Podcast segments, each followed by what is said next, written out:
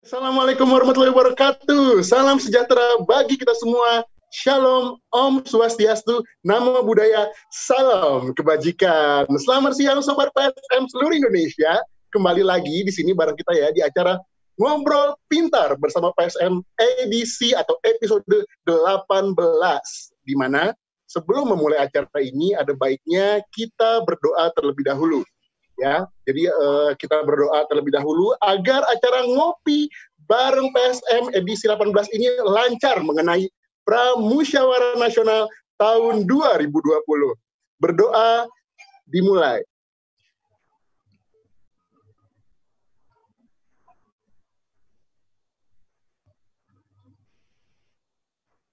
Baik, selesai.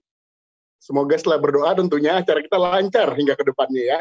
Dan selanjutnya, rekan-rekan PSM yang saya cintai, di mana di acara ngopi ini saya juga akan membacakan rules atau aturan apa saja yang kita harus kita harus patuhi ya di acara kali ini. Yang pertama, peserta diharuskan untuk mengganti nama sesuai format nama underscore instansi seperti saya nih, Yudi Jiwonugroho underscore Kemen Desa seperti itu ya. Di mana hal ini berfungsi untuk memudahkan kita saling menyapa di acara ini sehingga oh tentunya semuanya saling kenal.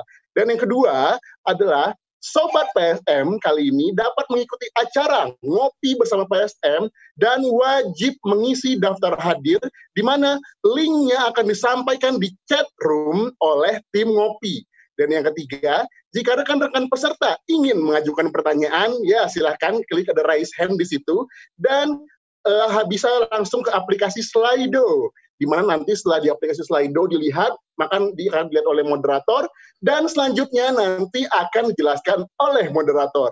Sebelumnya saya perkenalkan terlebih dahulu saya MC yang sama seperti minggu kemarin ya, saya Yudi Jiwo Nugroho, biasa dipanggil Jiwo dan saya sangat senang sekali nih ketemu sobat-sobat PSM di sini, sobat-sobat PSM yang hadir di acara ngopi PSM edisi 18 dengan tema Pramusyawarah Nasional tahun 2020.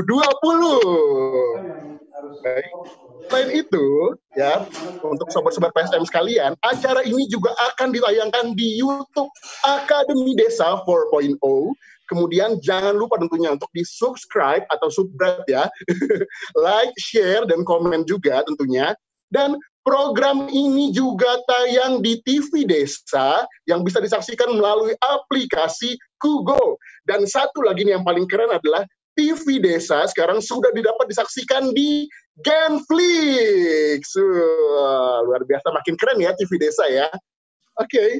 next selanjutnya. Acara ngopi ini juga tadi saya bilang ya, tadi sangat spesial. Kenapa?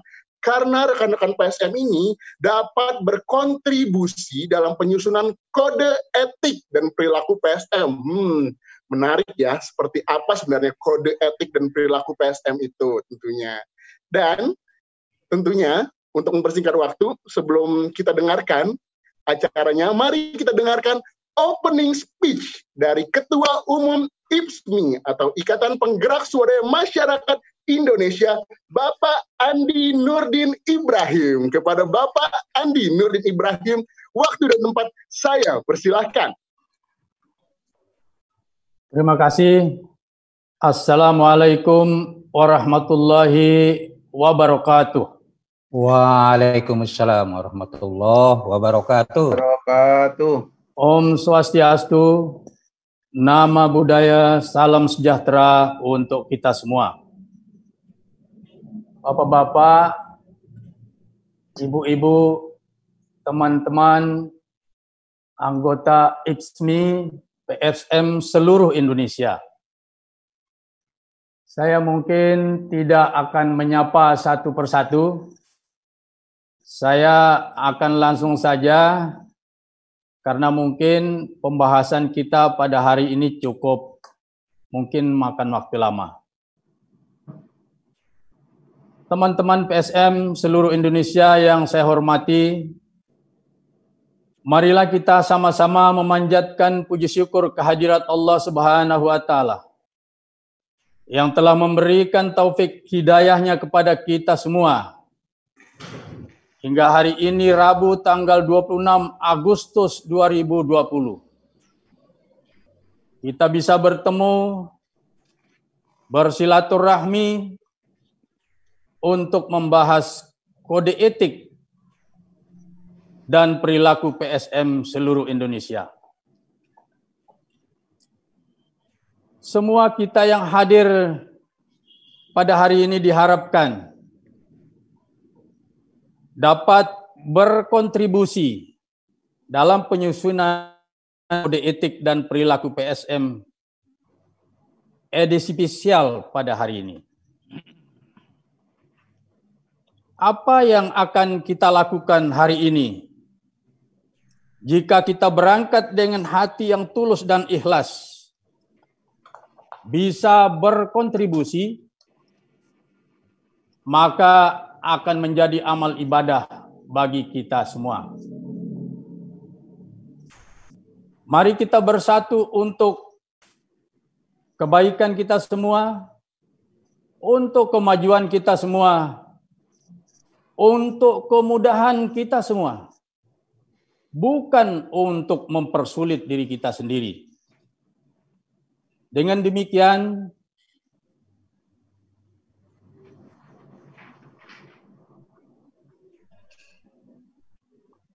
kita akan mendapatkan kesejahteraan.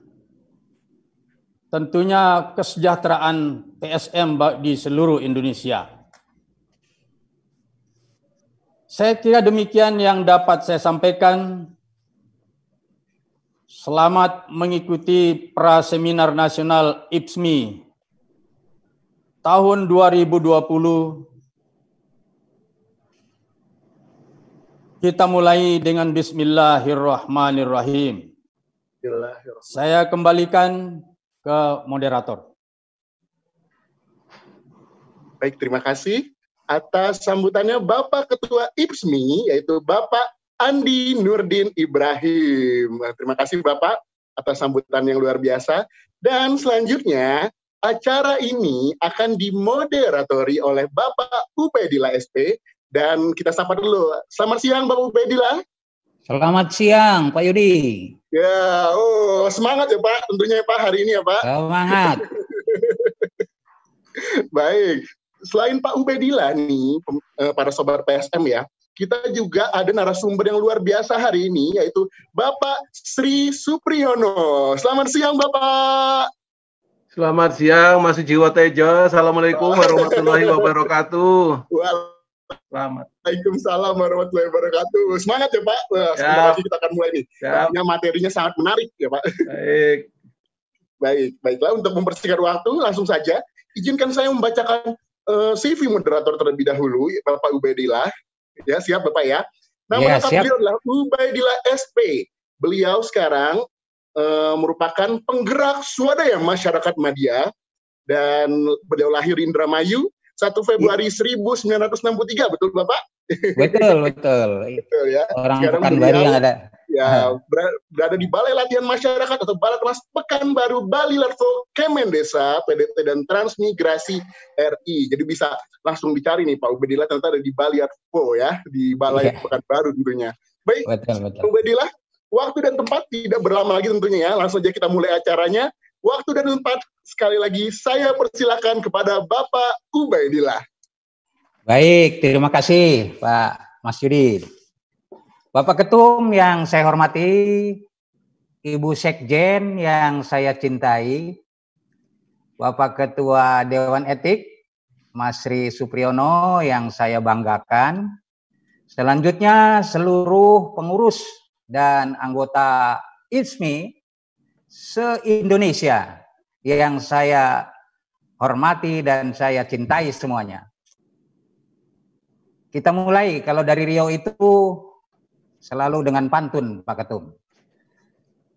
Bersolawat kita kepada Nabi, kepada Allah taat dan patuh. Sambutlah salam dari kami. Assalamualaikum warahmatullahi wabarakatuh. Waalaikumsalam warahmatullahi wabarakatuh. Buah kueni dan buah nanas. Buah sukun matang gede dipetik hari ini ISMI melaksanakan pramunas untuk menyusun dan mematangkan kode etik. Ya, terima kasih. Sayang ini suaranya hanya saya sendiri yang muncul nih, jadi tepuk tangannya nggak kedengaran. ya. Baik Bapak Ibu, para peserta Pramunas yang saya hormati, dalam rangka penyusunan kode etik dan perilaku PSM Indonesia, hari ini Rabu 26 Agustus, ISMI menyelenggarakan Pramunas dengan agenda menjaring masukan terhadap rancangan kode etik dan perilaku PSM Indonesia. Selanjutnya nanti pada Rabu yang akan datang 2 September 2020 ISMI akan kembali menyelenggarakan Munas. Jadi hari ini Pramunas, Rabu depan kita Munas dalam rangka penetapan kode etik dan perilaku PSM Indonesia. Kode etik ini penting, bahkan sangat penting. Ya, sebagai pedoman dan acuan sikap dan perilaku dengan tujuan menempatkan PSM sebagai profesi terhormat, mulia, dan bermartabat yang dilindungi undang-undang. Bapak Ibu peserta Munas yang saya hormati, agenda kita hari ini yang pertama, pemaparan garis besar rancangan kode etik dan perilaku PSM Indonesia oleh Ketua Dewan Etik dan Perilaku ISMI. Kemudian dilanjutkan dengan diskusi untuk menjaring masukan terhadap beberapa poin krusial dalam rancangan kode etik dan perilaku PSM Indonesia. Dan yang ketiga, penyimpulan dan penugasan tindak lanjut kepada Komite Penyusun Kode Etik dan Perilaku Indonesia. Bapak Ibu peserta Pramunas, adapun tata tertib ya yang harus kita patuhi bersama. Yang pertama, tentunya peserta yang hadir pada Pramunas diharapkan untuk mengisi daftar hadir dan diwajibkan untuk hadir kembali pada Munas Rabu yang akan datang. Jadi mohon seluruh peserta bisa mengisi daftar hadir yang sudah ditayangkan di layar kita bersama. Baik, selanjutnya yang kedua, tata tertib berikutnya ini peserta dapat memberikan masukan terhadap rancangan kode etik dan perilaku PSM Indonesia dengan ketentuan sebagai berikut. Pada sesi diskusi, peserta Pramunas dapat menyampaikan ya, masukan yang konstruktif dengan dasar pemikiran yang jelas disampaikan kepada forum dan kita sepakati bersama. Masukan disampaikan secara tertulis pada file rancangan kode etik dan perilaku PSM Indonesia langsung dinarasikan dalam batang tubuh naskah rancangan. Kemudian masukan disampaikan kembali pada Komite Penyusunan Kode Etik dan Perilaku melalui email ismi.id gmail.com. Selambat amatnya hari Jumat 28 Agustus 2020 pukul 12.00 siang. Itu tata tertib kita. Baiklah, langsung kita ikuti penyampaian garis besar rancangan kode etik dan perilaku PSM Indonesia oleh Ketua Dewan Etik dan Perilaku ISMI kepada Bapak Sri Supriyono dipersilakan.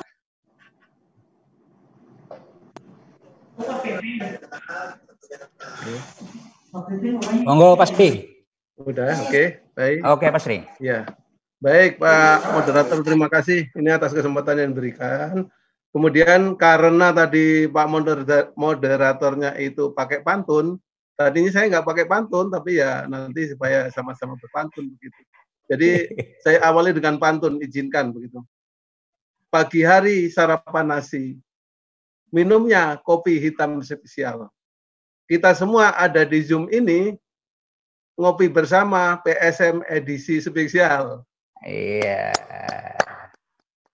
Air beria tanda tak dalam. Air tenang menghanyutkan. Izinkan saya mengucapkan salam untuk para PSM sekalian. Assalamualaikum warahmatullahi wabarakatuh. Waalaikumsalam warahmatullahi wabarakatuh. Om Swastiatu, Namo Buddhaya, Salam PSM. uh, eh, yang saya hormati karena di dalam SK ISMI kita itu ada Dewan Pembina, jadi barangkali ini karena sifatnya live dan ini terdokumen, mungkin izinkan kami menyampaikan uh, hormat kami begitu. Yang pertama kepada eh, Dewan Pembina IPSMI. Dalam hal ini adalah para eselon 1, baik para dirjen, Pak Ijen mau Pak maupun Pak eh, Kabalilatpo. Yang kedua, kita ada juga Dewan Fakar, yaitu Bapak Rudiantomi dari ETB dan Ibu Werdiningsih. Sementara masih berlaku di SK.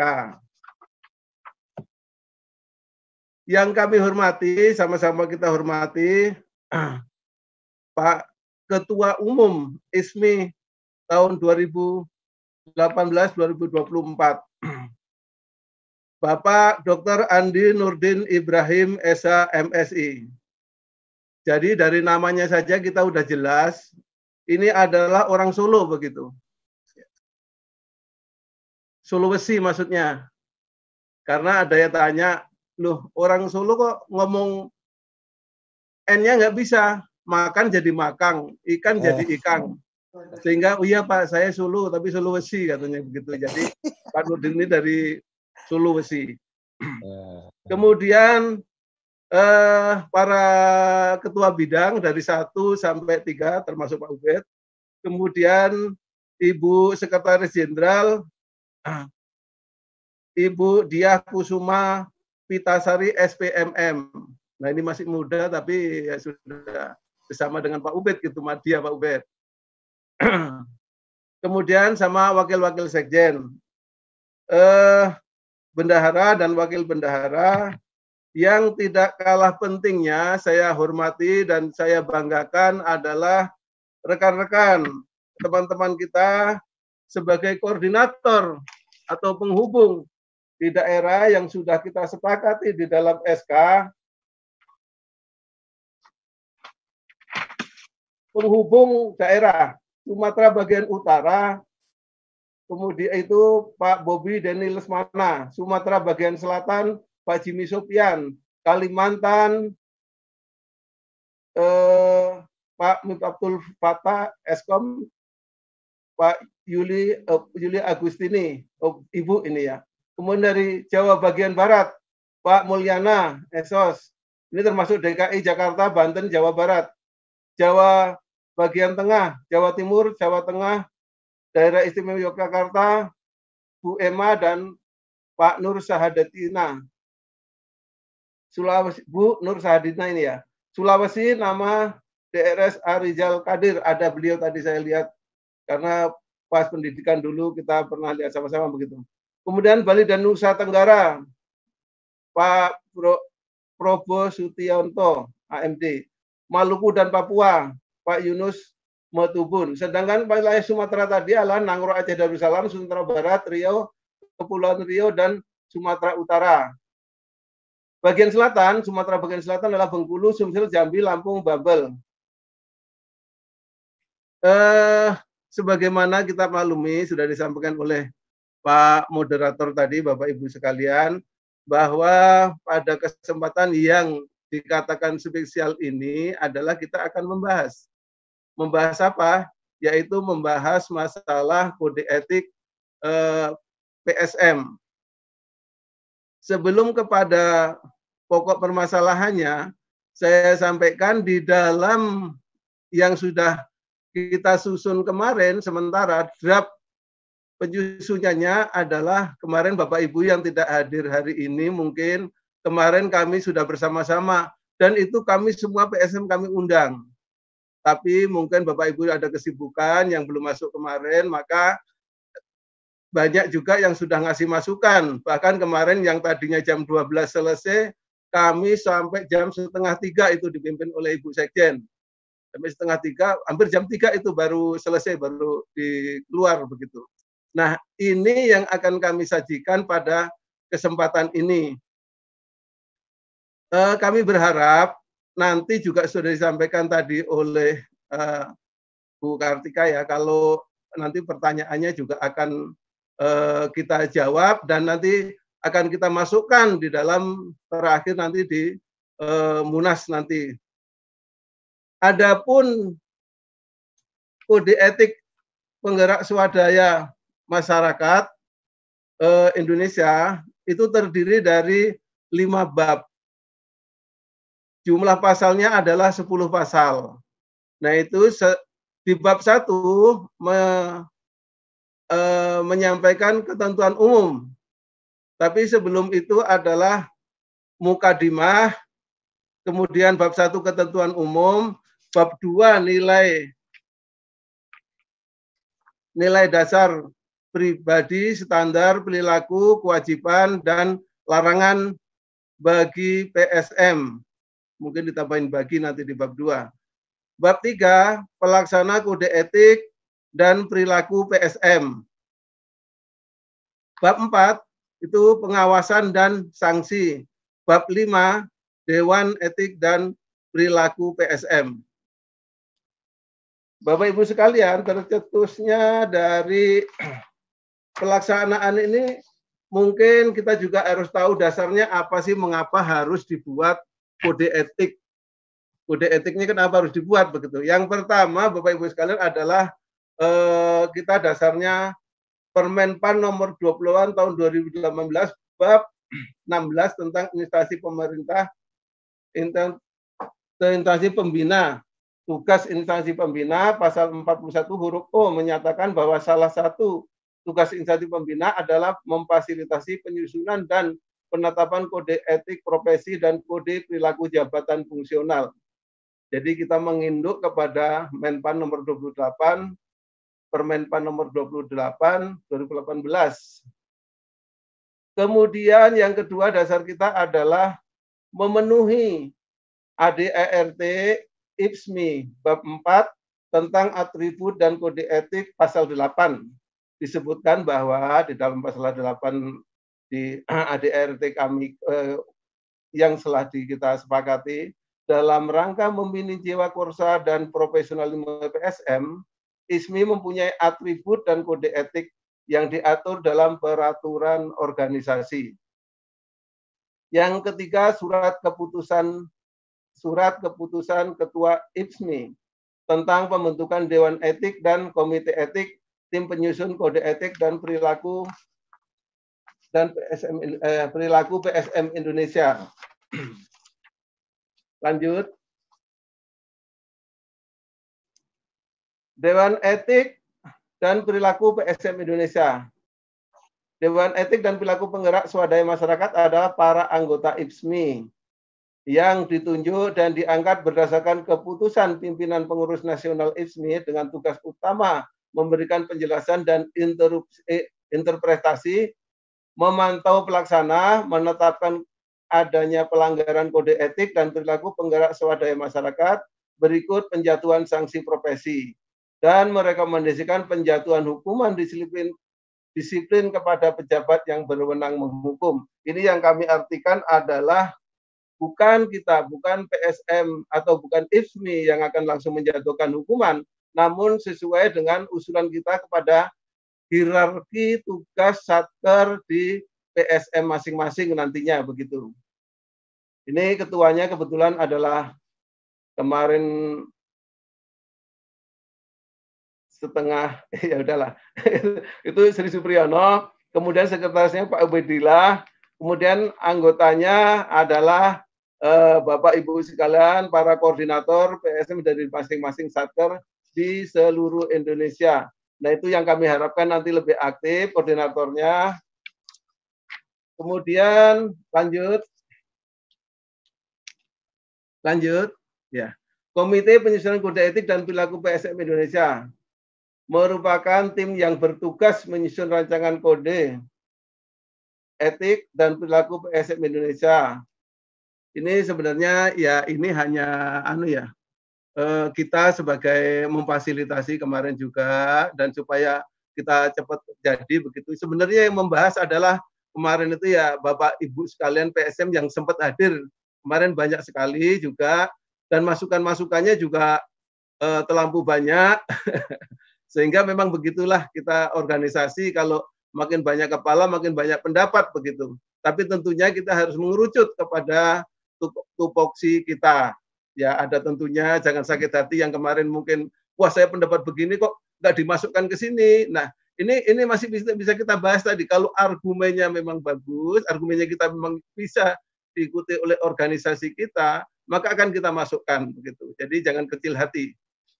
Ini adalah sementara sekjennya tadi sudah saya sebutkan, Diah Kusuma Pitasari SBMM, ini dari Pustikat Bali Lapo, kemudian Dewi Dewan dan Perilaku, saya sendiri, Budi Priyono, kemudian Mbak Kartika Puspitasari ini kalau kita menyebut di Puslatan itu kita kan tahu ya, ada pipit A, ada pipit B. Jadi ini yang pipit B begitu. Jadi walaupun B sama-sama juga eh, kinerjanya sangat bagus dua-duanya begitu.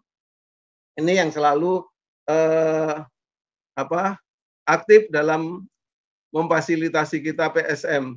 Ini dari Puslanmas Bali Lapo. Kemudian Mbak Dian Mentari Alam. Ini dari BLM Ciracas ya kalau nggak salah mau nanti dikoreksi.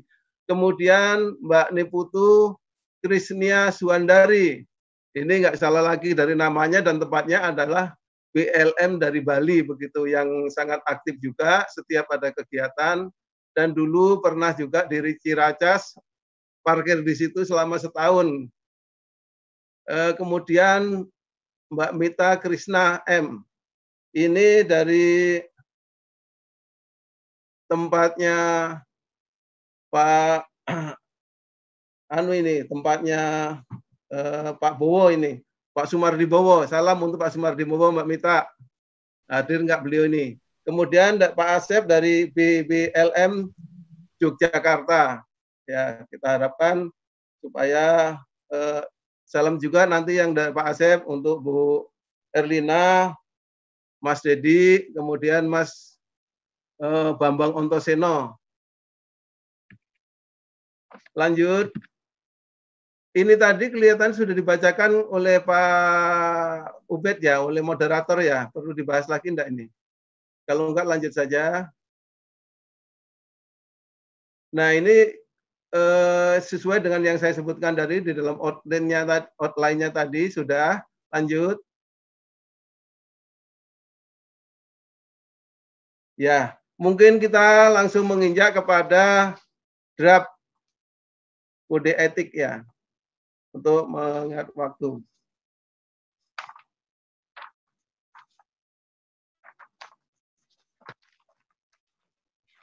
Baik Bapak Ibu sekalian, jadi inilah draft yang sudah kita jadikan sementara draft kode etik dan perilaku penggerak swadaya masyarakat. Di dalam preambel atau pembukaan jadi pejabat fungsional penggerak swadaya masyarakat yang selanjutnya disebut penggerak swadaya masyarakat adalah jabatan yang mempunyai ruang lingkup, tugas, tanggung jawab, wewenang, dan hak untuk melaksanakan eh, pemberdayaan masyarakat desa melalui penggerakan keswadayaan masyarakat dalam rangka pencapaian kemandirian dan berkelanjutan. Mungkin tidak saya bacakan semua untuk mengefektifkan waktu ya, karena katanya jumnya sangat terbatas. Untuk yang nomor dua saja, yang yang Elina dua naik naik ke bawah bawah dulu ke bawah dulu pak. Nah ini eh, Ikatan Penggerak Swadaya Masyarakat Indonesia ISMI berkewajiban untuk menyusun dan menetapkan standar perilaku profesional tinggi yang tinggi, mendorong dilaksanakannya perilaku etis, sikap dan pertimbangan setiap individu penggerak swadaya masyarakat yang diwujudkan dalam kode etik dan perilaku penggerak swadaya masyarakat. Bapak Ibu sekalian, jadi ini adalah sifatnya wajib. Kalau sifatnya wajib di dalam agama itu eh, berpahala jika dikerjakan dan berdosa jika ditinggalkan. Kemudian kalau itu sunat, maka berpahala dikerjakan, tiada berdosa untuk ditinggalkan. Kalau itu mubah, eh, berpahala ditinggalkan, tidak berdosa biar dikerjakan. Kemudian kalau itu haram, maka ditinggalkan berpahala, dikerjakan sangat berdosa. Nah, ternyata kita memang harus eh, ada ini begitu, harus ada eh, kode etik ini begitu. Lanjut mungkin ke bab satu.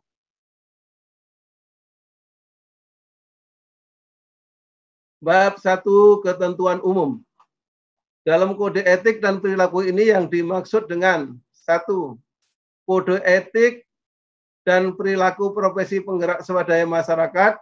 Selanjutnya disebut KISMI adalah norma sikap dan perilaku harus dipahami yang harus dipahami dan dilaksanakan oleh penggerak swadaya masyarakat dalam menjalankan tugas dan tanggung jawabnya serta dalam menggunakan hak dan kewenangannya, baik sebagai individu profesional maupun sebagai bagian dari instansi pemerintah.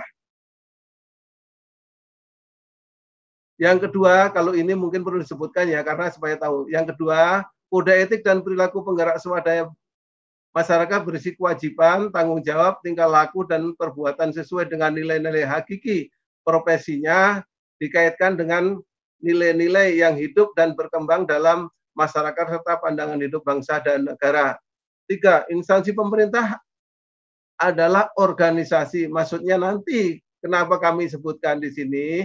Maksudnya nanti di dalam eh, di dalam pasal-pasal berikutnya manakala disebutkan ini manakala disebutkan instansi pemerintah misalnya ya inilah yang dimaksud begitu adalah organisasi unit kerja pada pemerintah pusat dan pemerintah daerah yang mempunyai tugas tentang dan fungsi melakukan kegiatan penggerak masyarakat yang komprehensif dengan sikap makro, sektor, dan daerah, serta melakukan pemantauan dan evaluasi atas pelaksanaan rencana. Bapak Ibu sekalian, peserta uh, Zoom meeting, nanti mohon dicermati juga, adakah kata-kata di dalam eh, pasal-pasal yang belum kami tuangkan di dalam istilah ini, supaya nanti tidak eh, timbul terjadi dua pendapat ya, lain-lain persepsi akan sangat bahaya nantinya. Yang keempat Bapak Ibu sekalian, Dewan Etik dan Perilaku Penggerak Swadaya Masyarakat adalah para anggota IPSMI yang ditunjuk dan diangkat berdasarkan keputusan pimpinan pengurus nasional IPSMI dengan tugas utama memberikan penjelasan dan interpretasi, memantau pelaksanaan, menetapkan daya pelang, adanya pelanggaran kode etik dan perilaku penggerak swadaya masyarakat, berikut penjatuhan sanksi profesi dan merekomendasikan penjatuhan hukuman disiplin kepada pejabat eh, yang berwenang menghukum. Itu yang kami sampaikan tadi itu. Bukan IPSMI yang menghukum tapi hanya mengusulkan pada instansi hierarkinya dalam hal ini mau tidak mau ya di instansi strukturalnya begitu di satkernya lima akuntabilitas adalah kondisi di mana seseorang yang mempertanggungjawabkan terhadap tindakan atau keputusan yang telah dibuat sehingga tindakan atau keputusan tersebut dapat dipahami atau dimanakan sesuai aturan, tidak menabrak hukum. Kemudian enam profesional adalah sikap dan kemampuan yang mempunyai dari setiap pegawai yang yang mumpuni dari setiap pegawai sebagai sebuah profesi dalam menjalankan tugas dan tanggung jawab yang diamanahkan kepadanya untuk mencapai arah dan tujuan organisasi sesuai dengan keputusan kompetensi yang dimiliki dan tercermin dari kinerja serta kualitas hasil kerja. Integritas yang ketujuh, integritas adalah kepribadian seseorang yang selalu bersikap konsisten dan penuh tanggung jawab selaras antara eh, mohon bisa ditambahi sedikit ya ini ya operator ya. Ya. selaras antara hati antara hati perkataan dan perbuatan sesuai dengan prinsip nilai serta norma sosial dan organisasi. Kemudian yang kedelapan, kebersamaan adalah perasaan dekat dengan rekan kerja baik secara emosional maupun fisik yang timbul dari integrasi interaksi sosial yang berkualitas dalam bekerja sehingga terjadi perasaan yang sama untuk memberikan yang terbaik untuk organisasi. Ya yang di yang di pointer 8 yang di poin 8 di klausul 8 saya berharap di sini kan dikatakan secara emosional maupun fisik. Nah itu bukan dengan mohon maaf, saya juga ngomong lain-lainnya saya batasi karena ini sifatnya dokumentasi. Jadi yang dimaksud fisik di sini bukan fisik antara antara sama PSM kemudian dekat dekat secara nafsu bukan, tapi secara kerjasama begitu. Jadi takutnya salah persepsi. Kalau perlu nanti kita agak agak agak perbaiki ini nanti. Kalau nanti takut salah persepsi begitu nanti dipakai teman-teman pembenaran untuk menjadi uh, dekat dengan uh, fisik begitu. Kemudian sembilan kewajiban adalah suatu yang harus dilaksanakan. Sepuluh larangan adalah sesuatu yang tidak boleh dilakukan. Sebelas pelanggaran adalah segala perbuatan dalam bentuk ucapan, tulisan, atau perilaku penggerak swadaya masyarakat yang bertentangan dengan kode etik dan perilaku penggerak swadaya masyarakat. Bapak Ibu sekalian, kalau sekarang ucapan itu sudah bisa dikategorikan sebagai pidana. Kalau dulu enggak, ah, kalau cuma dikata-katain biar aja saja. Tidak tidak bisa itu kita marah-marah kemudian kita memperkarakan. Sekarang yang dinamakan ucapan kebencian saja sudah melanggar TI sudah kita hukumannya berat begitu. Jadi sehingga kita masukkan di sini termasuk ucapan. Apalagi tulisan begitu, apalagi perilaku. Jadi walaupun ucapan tetap masuk di dalam oh, larangan kalau ucapannya itu adalah ujaran kebencian dan memfitnah. Bapak Ibu sekalian, kita menginjak kepada pasal 2. Ruang lingkup kode etik dan perilaku penggerak swadaya masyarakat meliputi A. Nilai dasar ini nanti yang boleh nanti yang ahli hukum di dalam penulisan oh eh, tidak seperti itu. Mestinya kalau itu pasal 2 di bawahnya seperti apa? Pak dalam kurung satu atau apa? Monggo tapi isinya nanti eh, seperti ini di antaranya kemudian nilai-nilai dasar pribadi standar perilaku kewajiban dan larangan penggerak swadaya masyarakat. B pelaksana kode etik dan perilaku penggerak swadaya masyarakat. C pengawasan dan sanksi dan D dewan etik dan perilaku penggerak swadaya masyarakat itu adalah ruang lingkupnya di dalam Eh, dokumen-dokumen uh, kode etik kita begitu. Lanjut bab 2.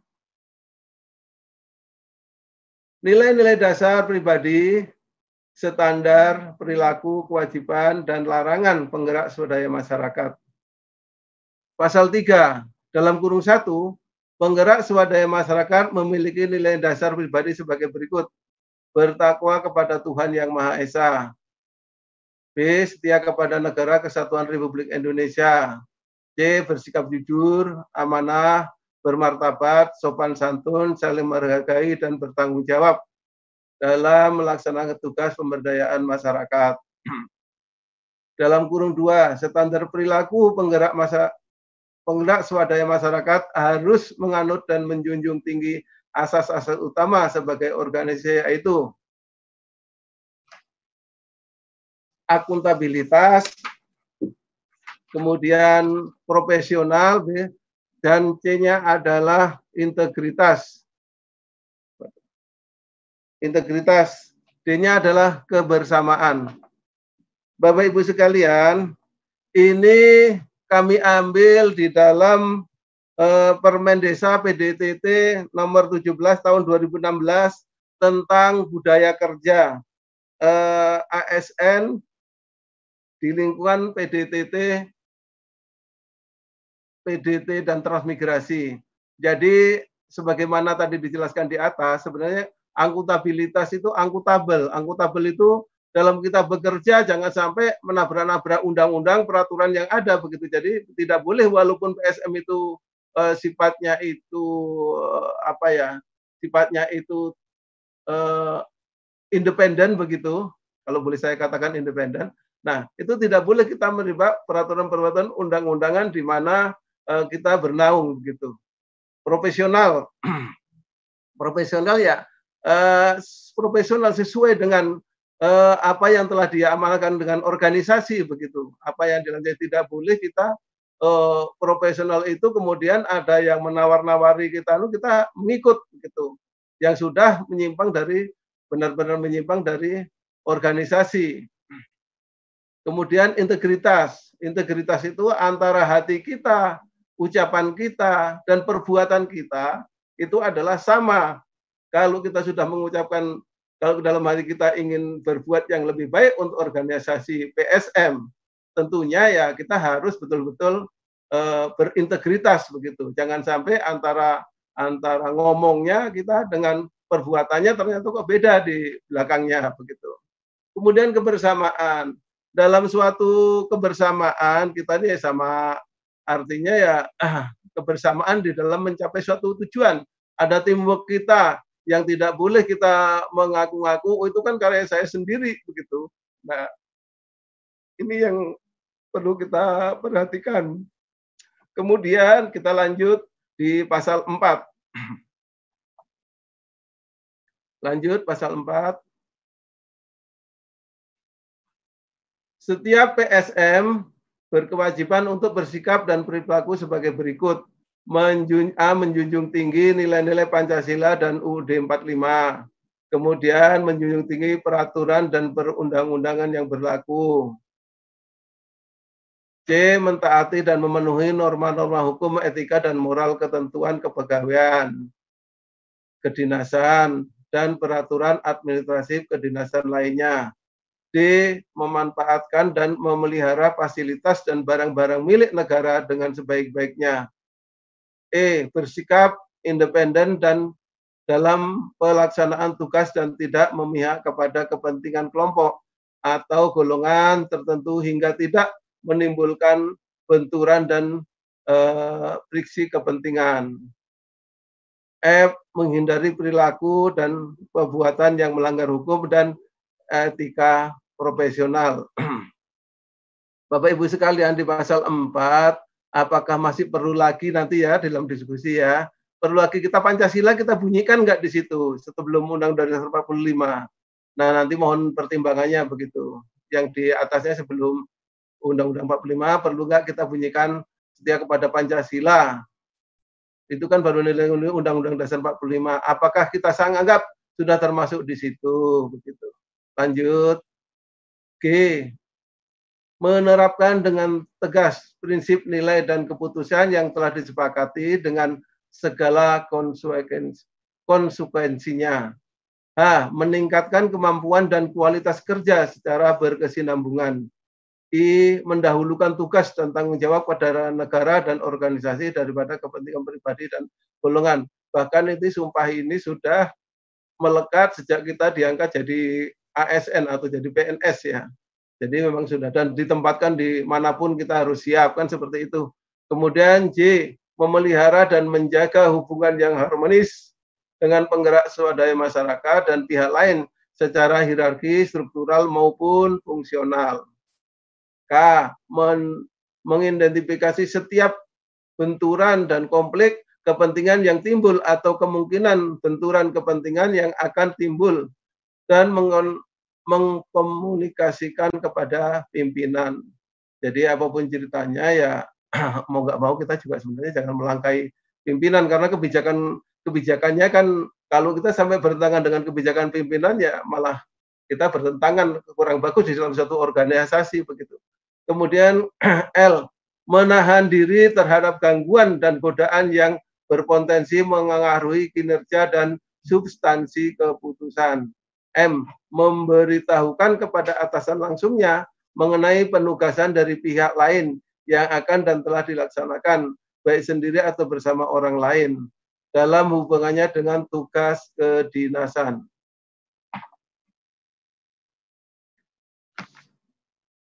Izinkan Pak Moderator, saya tak minum dulu sebentar.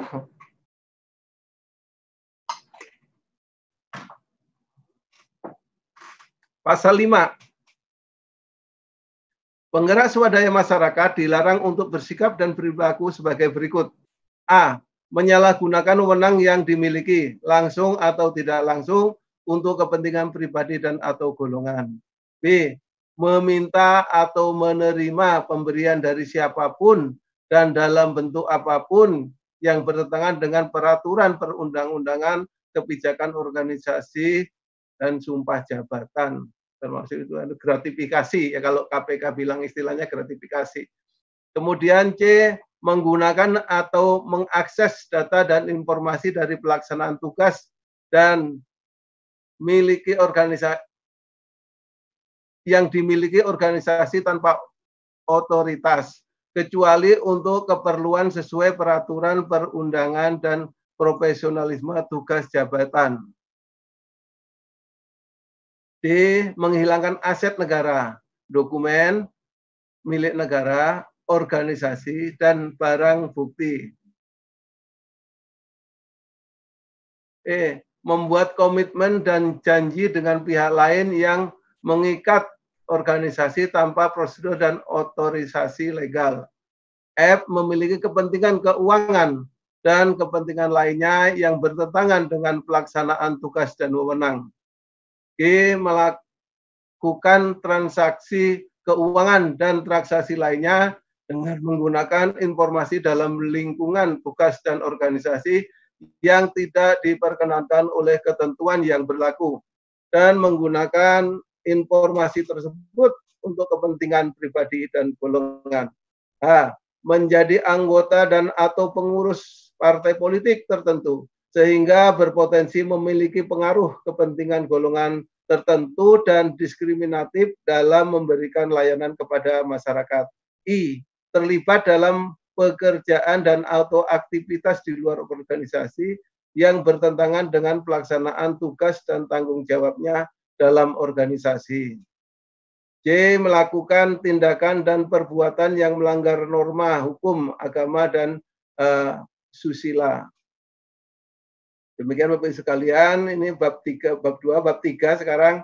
Bab 3 adalah pelaksanaan kode etik dan perilaku penggerak swadaya masyarakat.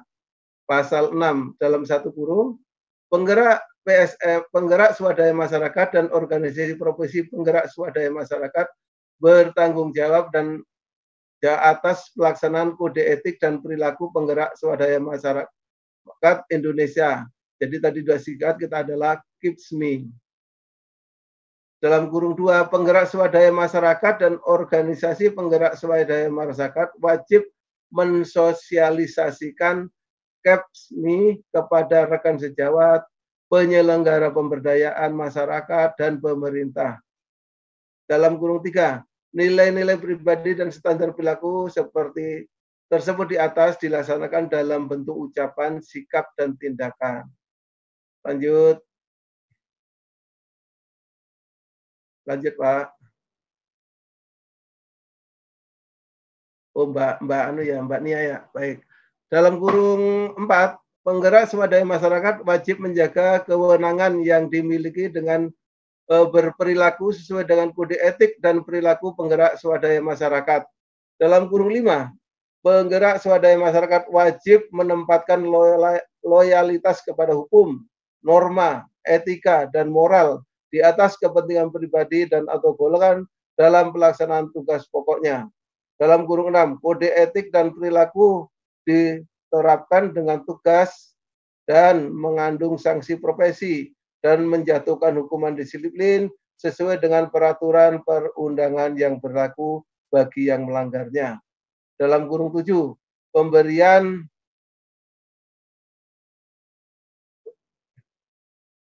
pemberian ini sebenarnya nanti bagi yang pelanggarnya perlu dihilangkan apa enggak ya? Kalau itu kan sudah sudah berlaku itu.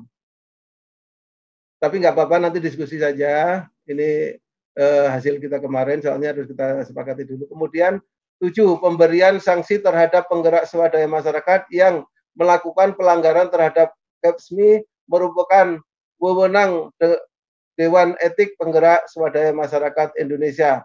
Delapan, pemberian sanksi oleh Dewan Etik Penggerak Swadaya Masyarakat Indonesia harus objektif, tidak diskriminatif, dan tidak bertentangan dengan ketentuan dasar organisasi profesi serta peraturan perundang-undangan.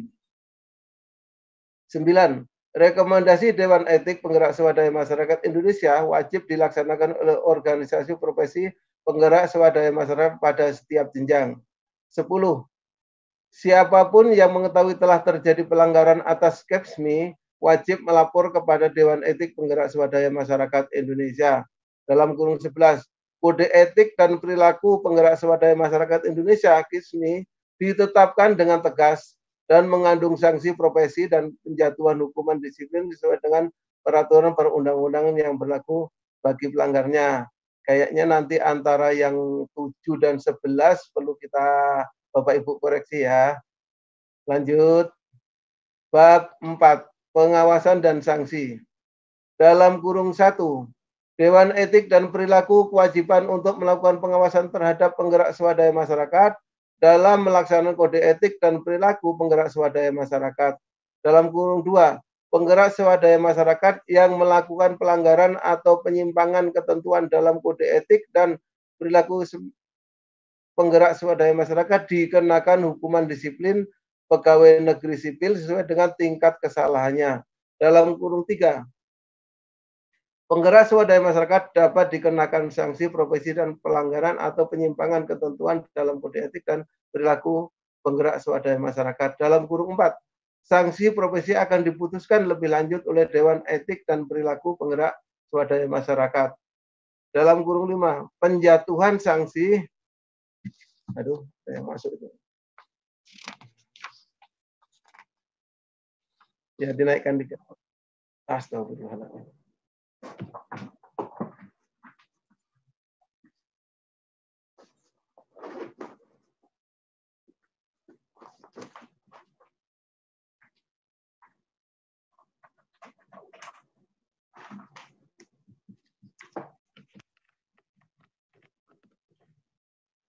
Ya, mohon maaf Bapak Ibu sekalian ada kesalahan teknis.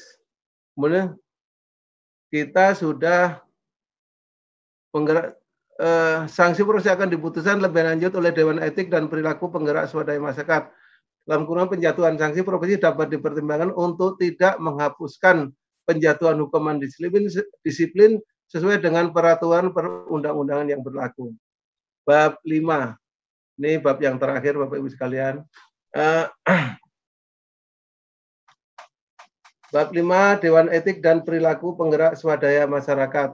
Dalam kurung satu, Dewan Etik dan Perilaku Penggerak Swadaya Masyarakat dibentuk untuk mengawasi pelaksanaan kode etik dan perilaku penggerak swadaya masyarakat dan memberikan rekomendasi pemberian sanksi atas pelanggaran kode etik dan perilaku oleh penggerak swadaya masyarakat kepada pejabat yang berwenang menghukum dalam kurung dua struktur tugas, wewenang dan tata kerja Dewan, Dewan Etika dan Perilaku Penggerak Swadaya Masyarakat ditetap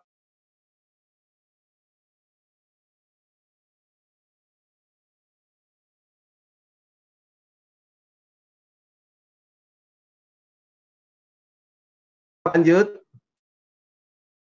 Ya. Pasal 9 Evaluasi dan penyempurnaan atas kode etik dan perilaku penggerak swadaya masyarakat dilakukan secara periodik sekurang-kurangnya sekali dalam tiga tahun. Dalam kurung dua, ketentuan di dalam kode etik dan perilaku dapat diubah atau diperbaiki melalui persetujuan anggota dan mekanisme yang diatur oleh pengurus IPSMI.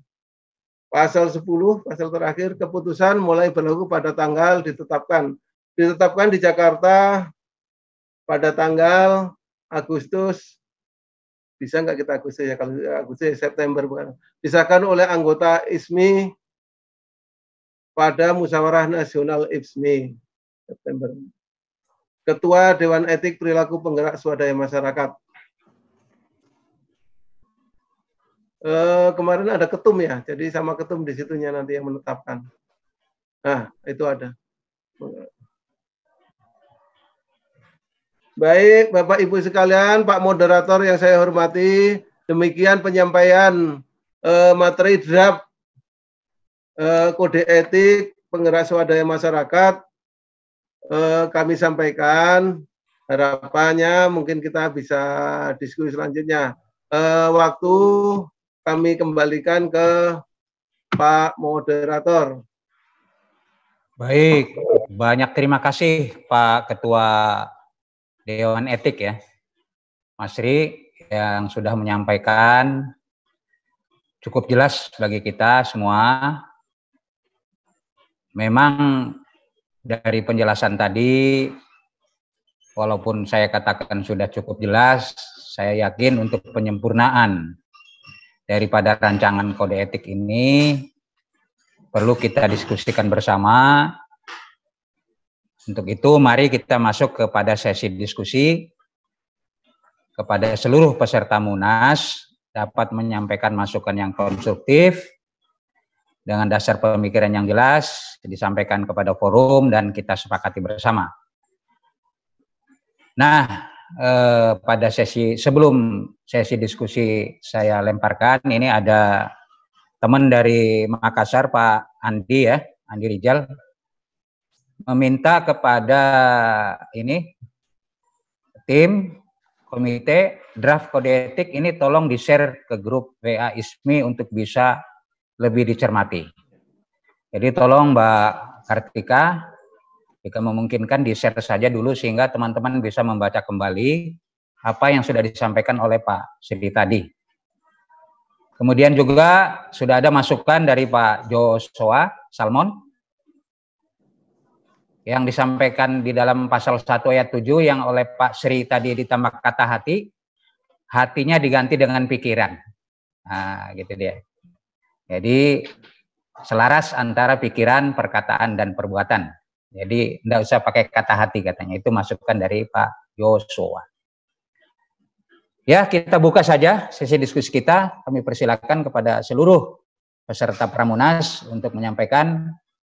Saya yakin banyak ini yang akan memberikan masukan demi sempurnanya eh, kode etik dan perilaku PSM Indonesia. Kami persilakan. Jayapura. Jayapura, Pak Moderator. Jayapura. Mohon disebutkan namanya. Tak kenal maka tak sayang, tak sayang maka tak cinta. Pak Amiruddin. Ya, dari jauh dulu nih, dari timur sana. Silakan Pak Amiruddin. Ya. Baik, terima kasih. Assalamualaikum warahmatullahi wabarakatuh. Waalaikumsalam. Dan sore.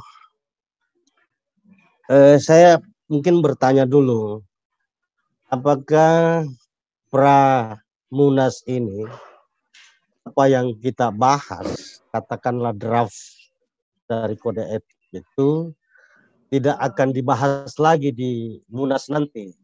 Seperti itu. Tinggal ditetapkan pada saat di Munas. Sekiranya kalau masih dibahas di Munas atau mau disempurnakan di Munas karena mungkin di Munas nanti ada istilahnya sidang paripurna atau sidang pleno apa namanya di dalam organisasi apakah hari ini kita nyatakan sidang pleno, kemudian nanti uh, minggu depannya kita disebutkan dengan sidang paripurna gitu. Ini yang perlu mungkin dicermati. Kalau memang uh, draft ini kita mau selesaikan disepakati bahwa hari ini kita selesaikan, kemudian tinggal ditetapkan pada saat munas, ya mungkin uh, itu yang kita mau sepakati dulu sebelum saya bertanya lebih lanjut. Mungkin pertanyaan sementara dulu karena ada beberapa poin pasal-pasal bab dan pasal yang uh, saya bisa akan pertanyakan. Mungkin kita bisa diskusikan bersama. Sementara mungkin poin itu dulu. Terima kasih Pak Moderator. Ya, terima kasih Pak Amir. Jadi sebelum Pak Amir menyampaikan poin-poin selanjutnya, ada pertanyaan dulu, apakah Pramunas ini hasilnya nanti tidak perlu dibahas lagi di dalam Munas? Silakan Pak Ketua. Baik, terima kasih Bapak. Nanti mungkin kesempatan juga mungkin Pak Ketua Umum ya bisa bisa membantu kita begitu untuk untuk menjawabnya begitu. Eh atau Bu Sekjen ya. Bu Sekjen masih hadir ini. Eh, baik Pak Amiruddin, ini sebenarnya Pak Amiruddin ini kemarin kan agak kemarin kenapa nggak termasuk yang eh, anu gitu ya penghubung gitu ya karena aktif ini beliau. Ya. Nah, ya dari kemarin aktif Pak Amiruddin sering bahkan kemarin di WA saya dikritik juga tapi nggak apa-apa itu namanya masukan yang bagus begitu. Ya. ya. Pak Amiruddin, jadi sebelum kita Pak kita itu kadang-kadang kan waktunya kayak seperti ini kan mepet sekali Takutnya nanti begitu sudah diundangkan, begitu diedarkan ke teman-teman seluruh Indonesia dari Sabang sampai Merauke, ternyata loh ini dulu pasal ini kok seperti ini ya gitu. Ini saja sudah kita bahas kemarin sampai berdarah-darah istilahnya gitu ya Pak ya. Itu juga masih ternyata masih ada kelemahan kan. Ya, seperti itu Pak Mirudin. Jadi seperti itu. Nah, sehingga pada saat nanti nanti kita itu munas yang sudah disampaikan jadwalnya oleh Pak moderator tadi, itu kita sudah tidak ada lagi nanti begitu diundangkan, ditandatangani, tidak ada lagi yang bertanya begitu karena semuanya sudah nyambung begitu. Saya rasa jawaban sementara seperti itu mungkin ditambahkan oleh Pak Ketua Ketum atau Pak Sekjen atau Bu Sekjen begitu. Monggo. Ya, silakan itu, Pak, Pak Ketum. Pak Ketum, pertanyaannya masih sama tadi. Ya, terima kasih. Ya. Saya kira apa yang disampaikan oleh Pak Sri tadi benar besok itu tinggal penetapan saja begitu. Oke, Pak Amir bisa dipahami ya. Jadi baik, kalau misal, baik. Ya, ya, ya kalau lanjut. kita sepakat itu ya, saya akan masuk ke poin berikut. Mungkin di pada bab satu ya. Mungkin bisa ditampilkan Pak Sri yang poin kedua. Pasal 2 maksudnya Pak? Eh, pasal 1 poin poin 2. Oh. Kode etik berisi apa tuh? Titik-titik saya tidak sempat cuman sekedar lewat tadi. Pasal 1 ayat 2. Pasal 1 ayat 2, Mbak Nia. Ya. ya, sebentar ya, Pak. Nah, dicari dulu Pak Amiruddin ya. Ya ini kelemahannya, ada juga sih sisi kelemahannya Zoom itu. Kalau kita pleno, begitu-begitu lihat nanti begitu dapat kertas semua, dapat materinya semua, itu cepat saja melihatnya. Kalau seperti ini kan sepintas-sepintas ini toh. Jadi memang ada keterbatasan buat kita. Atau memang karena kita gatek begitu, artinya belum terbiasa dengan Zoom seperti ini gitu. Ya namanya apalagi generasi kelahiran tahun bangsa 55 eh 55 60 ke atas gitu ya. Nah, ini masih beda dengan yang masih muda-muda eh, PSM Pratama kita. Itu masih canggih-canggih semua. Hanya mereka memang budi pekertinya yang yang kurang mungkin. ya, silakan Pak. Yang mana, Pak? Pak Mirudin. Pasal 1. Pasal 1 ayat oh, Pasal 1 ayat 2. Ya, silakan ditarik ke atas lagi. Masih tentang pengertian-pengertian itu, ya. ya. Nah, ini di sini di pasal 1 kita bisa cermati barangkali dibaca dicermati baik-baik. Kode etik dan perilaku pengerasa swadaya masyarakat berisi jadi substansinya gitu loh. Jadi substansi daripada kode etik itu disebutkan berisi kewajiban, tanggung jawab, tingkah laku, perbuatan, tingkah laku perbuatan dan nilai-nilai hakiki, profesi dengan nilai-nilai yang hidup dan berkembang dalam masyarakat serta pandangan hidup bangsa dan negara. Negara. Jadi saya melihat di sini uh, isi daripada kode etik saya kira saya tidak bisa membedakan antara pasal 1 dengan eh, pasal 1 ayat 2 dengan pasal 2 tentang eh, apa eh, apa ya ruang lingkup ruang lingkup kode etik. Nah, ini ini mungkin bisa dibedakan. Kalau menurut saya isi daripada kode etik ini ya tentu saja berkaitan dengan eh, nilai-nilai uh, atau norma-norma yang berlaku. Kemudian di situ ada uh, peningkatan uh, kompetensi, kemudian di situ ada sanksi dan ya ada pelarangan dan sanksi di situ. Artinya secara garis besarnya seperti itu. Mungkin ini bisa di, di, di apa namanya lebih disederhanakan sehingga bisa membedakan antara isi dari bahasa poin apa ya pasal 1 ayat 2 dengan berkaitan dengan uh, uh, apa ruang lingkup, lingkup. dari uh, kode etik itu. Itu yang pertama.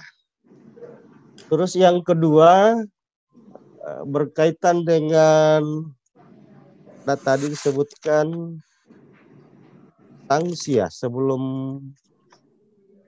sebelum eh di bab di bab tiga pelaksanaan kode etik penggerak musyawarah ya. Tadi Pak Sri sudah ada singgung tadi itu ada tegak jalan di poin 7, 8 dan 11 ya.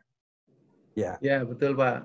Iya, berbicara sanksi saya kira kita uh, to the point saja berkaitan dengan sanksi. Artinya kita tidak perlu poin the point menyebutkan sanksi. Barangkali kata sanksi kita Eh, apa ya includekan makna sanksi yang ada dalam satu uh, satu ayat barangkali sehingga tidak nanti menimbulkan uh, interpretasi yang berbeda-beda.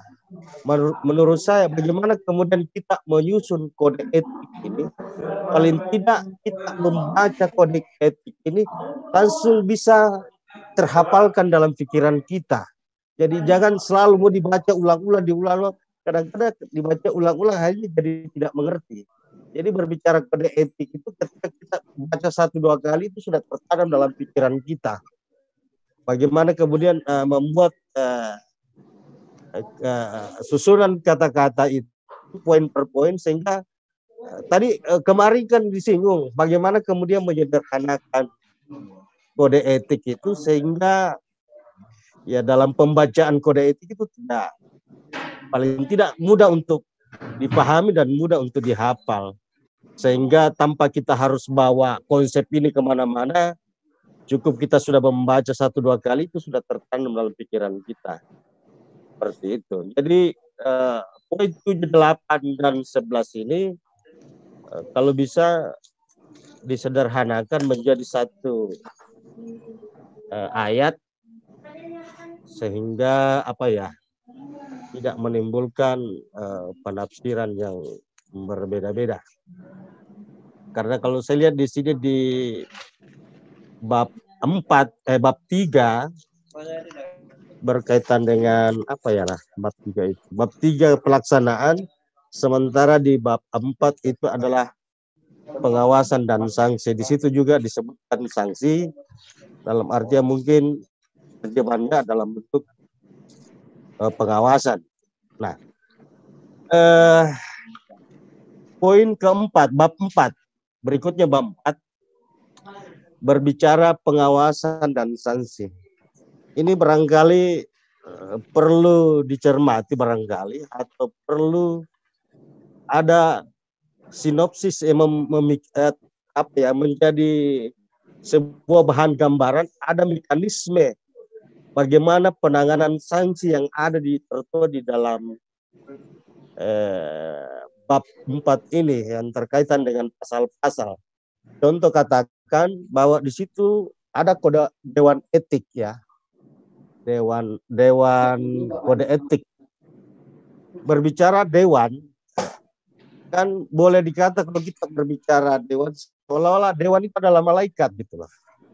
Anggaplah seperti itu. Sementara yang harus diberi sanksi itu adalah anggotanya gitu.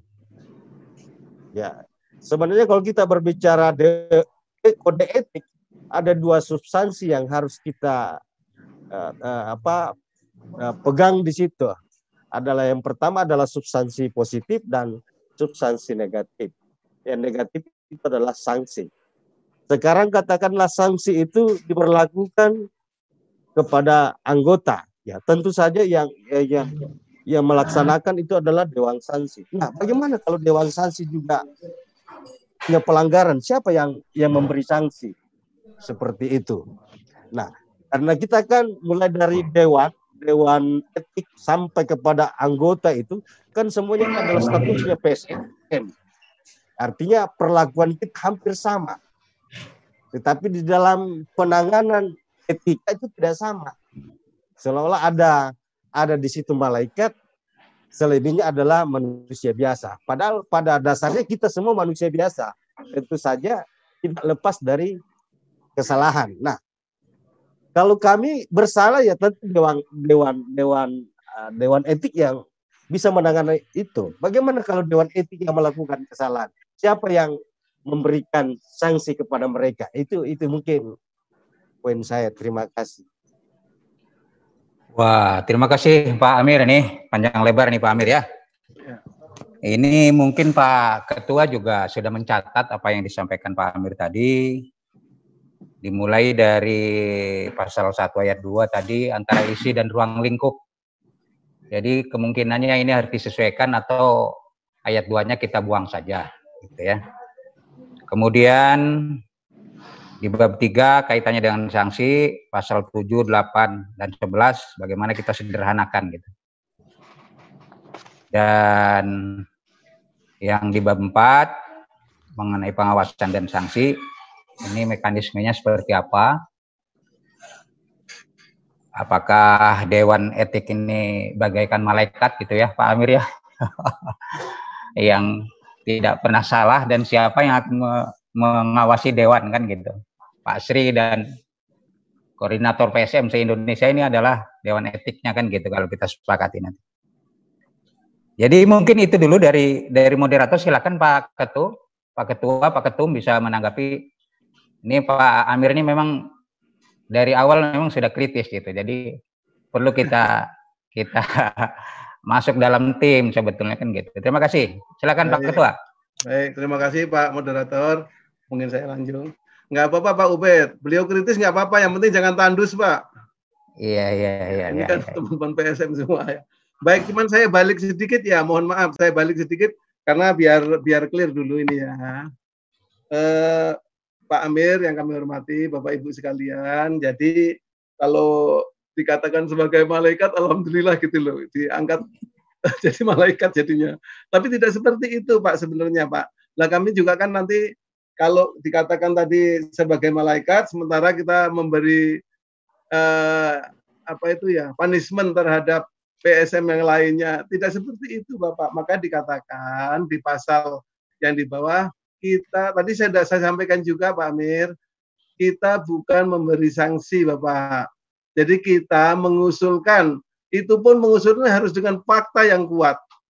Harus dengan sangat dengan kuat fakta yang harus ada. Itu baik eh, baik apa ya? Eh, barang bukti itu harus ada dua, Pak, supaya supaya supaya kuat untuk bahwa itu eh, pelanggaran begitu. Kalau kita tidak ada barang bukti dua barang bukti, maka tidak kuat. Itu pun kita usulkan, bukan kita yang memberi sanksi. Jadi bukan kode etik yang memberi sanksi. Wah, kok enak banget kalau gitu. Mungkin uh, semua orang bisa jadi uh, menjadi kode etik, menjadi ketua kode etik begitu. Dan ini pun juga sebenarnya beban yang harus kita pikul bersama begitu. Ya sekarang pertanyaannya dibaliknya seperti ini. Ya kalau kita bicara organisasi ya, organisasi kalau ketua kode etik atau badan eh, kode etik itu melanggar melanggar justru dia yang melanggar kode etik yang pertama dia nggak menjalankan amanah, itu melanggar PSM, Pak, nggak menjalankan amanah. Kemudian sudah dia sudah diawasi daripada organisasi di atasnya yaitu IPSMI, Pak. Jadi IPSMI sudah mengawasi di situ. Jadi kita harus tunduk kepada itu begitu. Jadi kalau mau kita uh, bertanya lagi ya, KPK itu siapa yang harus apa ya, yang ngawasin dia korupsi atau tidak begitu. Tapi kita ini mudah-mudahan di dalam organisasi ini janganlah juga kita menjadi malaikat sehingga memberikan punishment ya kalau memberikan reward sih bagus ya mendingan punishment kepada anggota PSM itu seasal gitu tidak ada barang bukti paling tidak dua barang bukti begitu jadi itu yang pertama Pak Yang kedua, mohon dicermati Pak ya.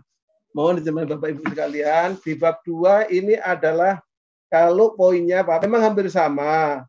Saya sepakat, tadi kan sudah saya singgung juga ada beberapa yang mirip atau bahkan eh, konsideran begitu. Eh, ada kalau itu kan dasar pribadi yang di pasal 3. Kemudian itu ada asas-asas, jadi agak beda Pak. Jadi berbeda. Di, kemudian kewajiban untuk bersikap dan berperilaku, tadi saya sudah cermati.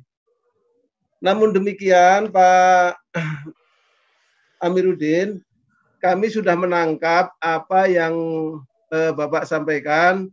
Terima kasih untuk perbaikannya.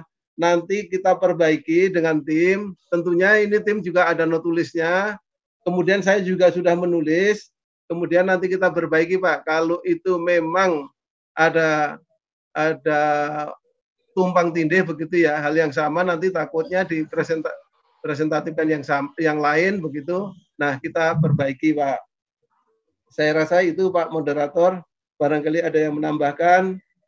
Kita kan diskusi tidak tidak semua yang terdakwa itu ketuanya begitu. Untuk kita Baik. bersama. Iya, terima kasih Pak Sri. Jadi Pak Amir, ini dimohon nanti masukannya secara tertulis Pak Amir ya. Terutama kaitannya dengan mekanisme bagaimana Dewan Etik itu bisa memberikan rekomendasi sanksi kepada uh, pihak yang berwenang memberikan sanksi. Jadi kalau saya menangkap dari apa yang sudah dibahas ini,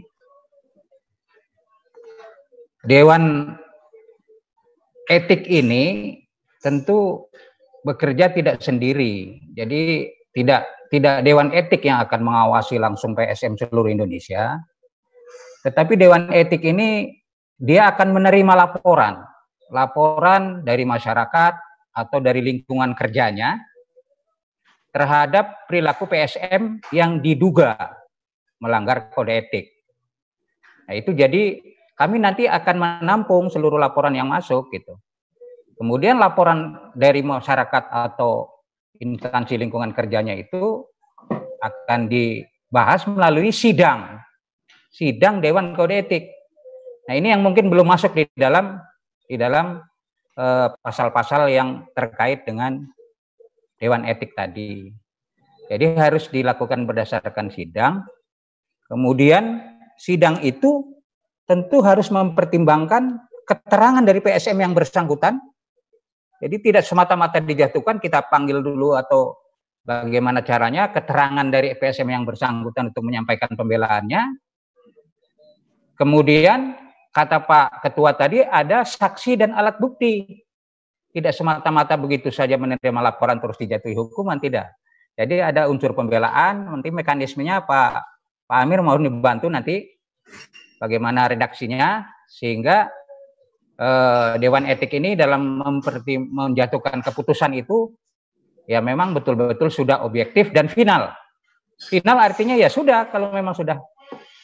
Cuman terkait lagi dengan Pak Amir tadi bahwa etika itu sebetulnya berbeda dengan hukum.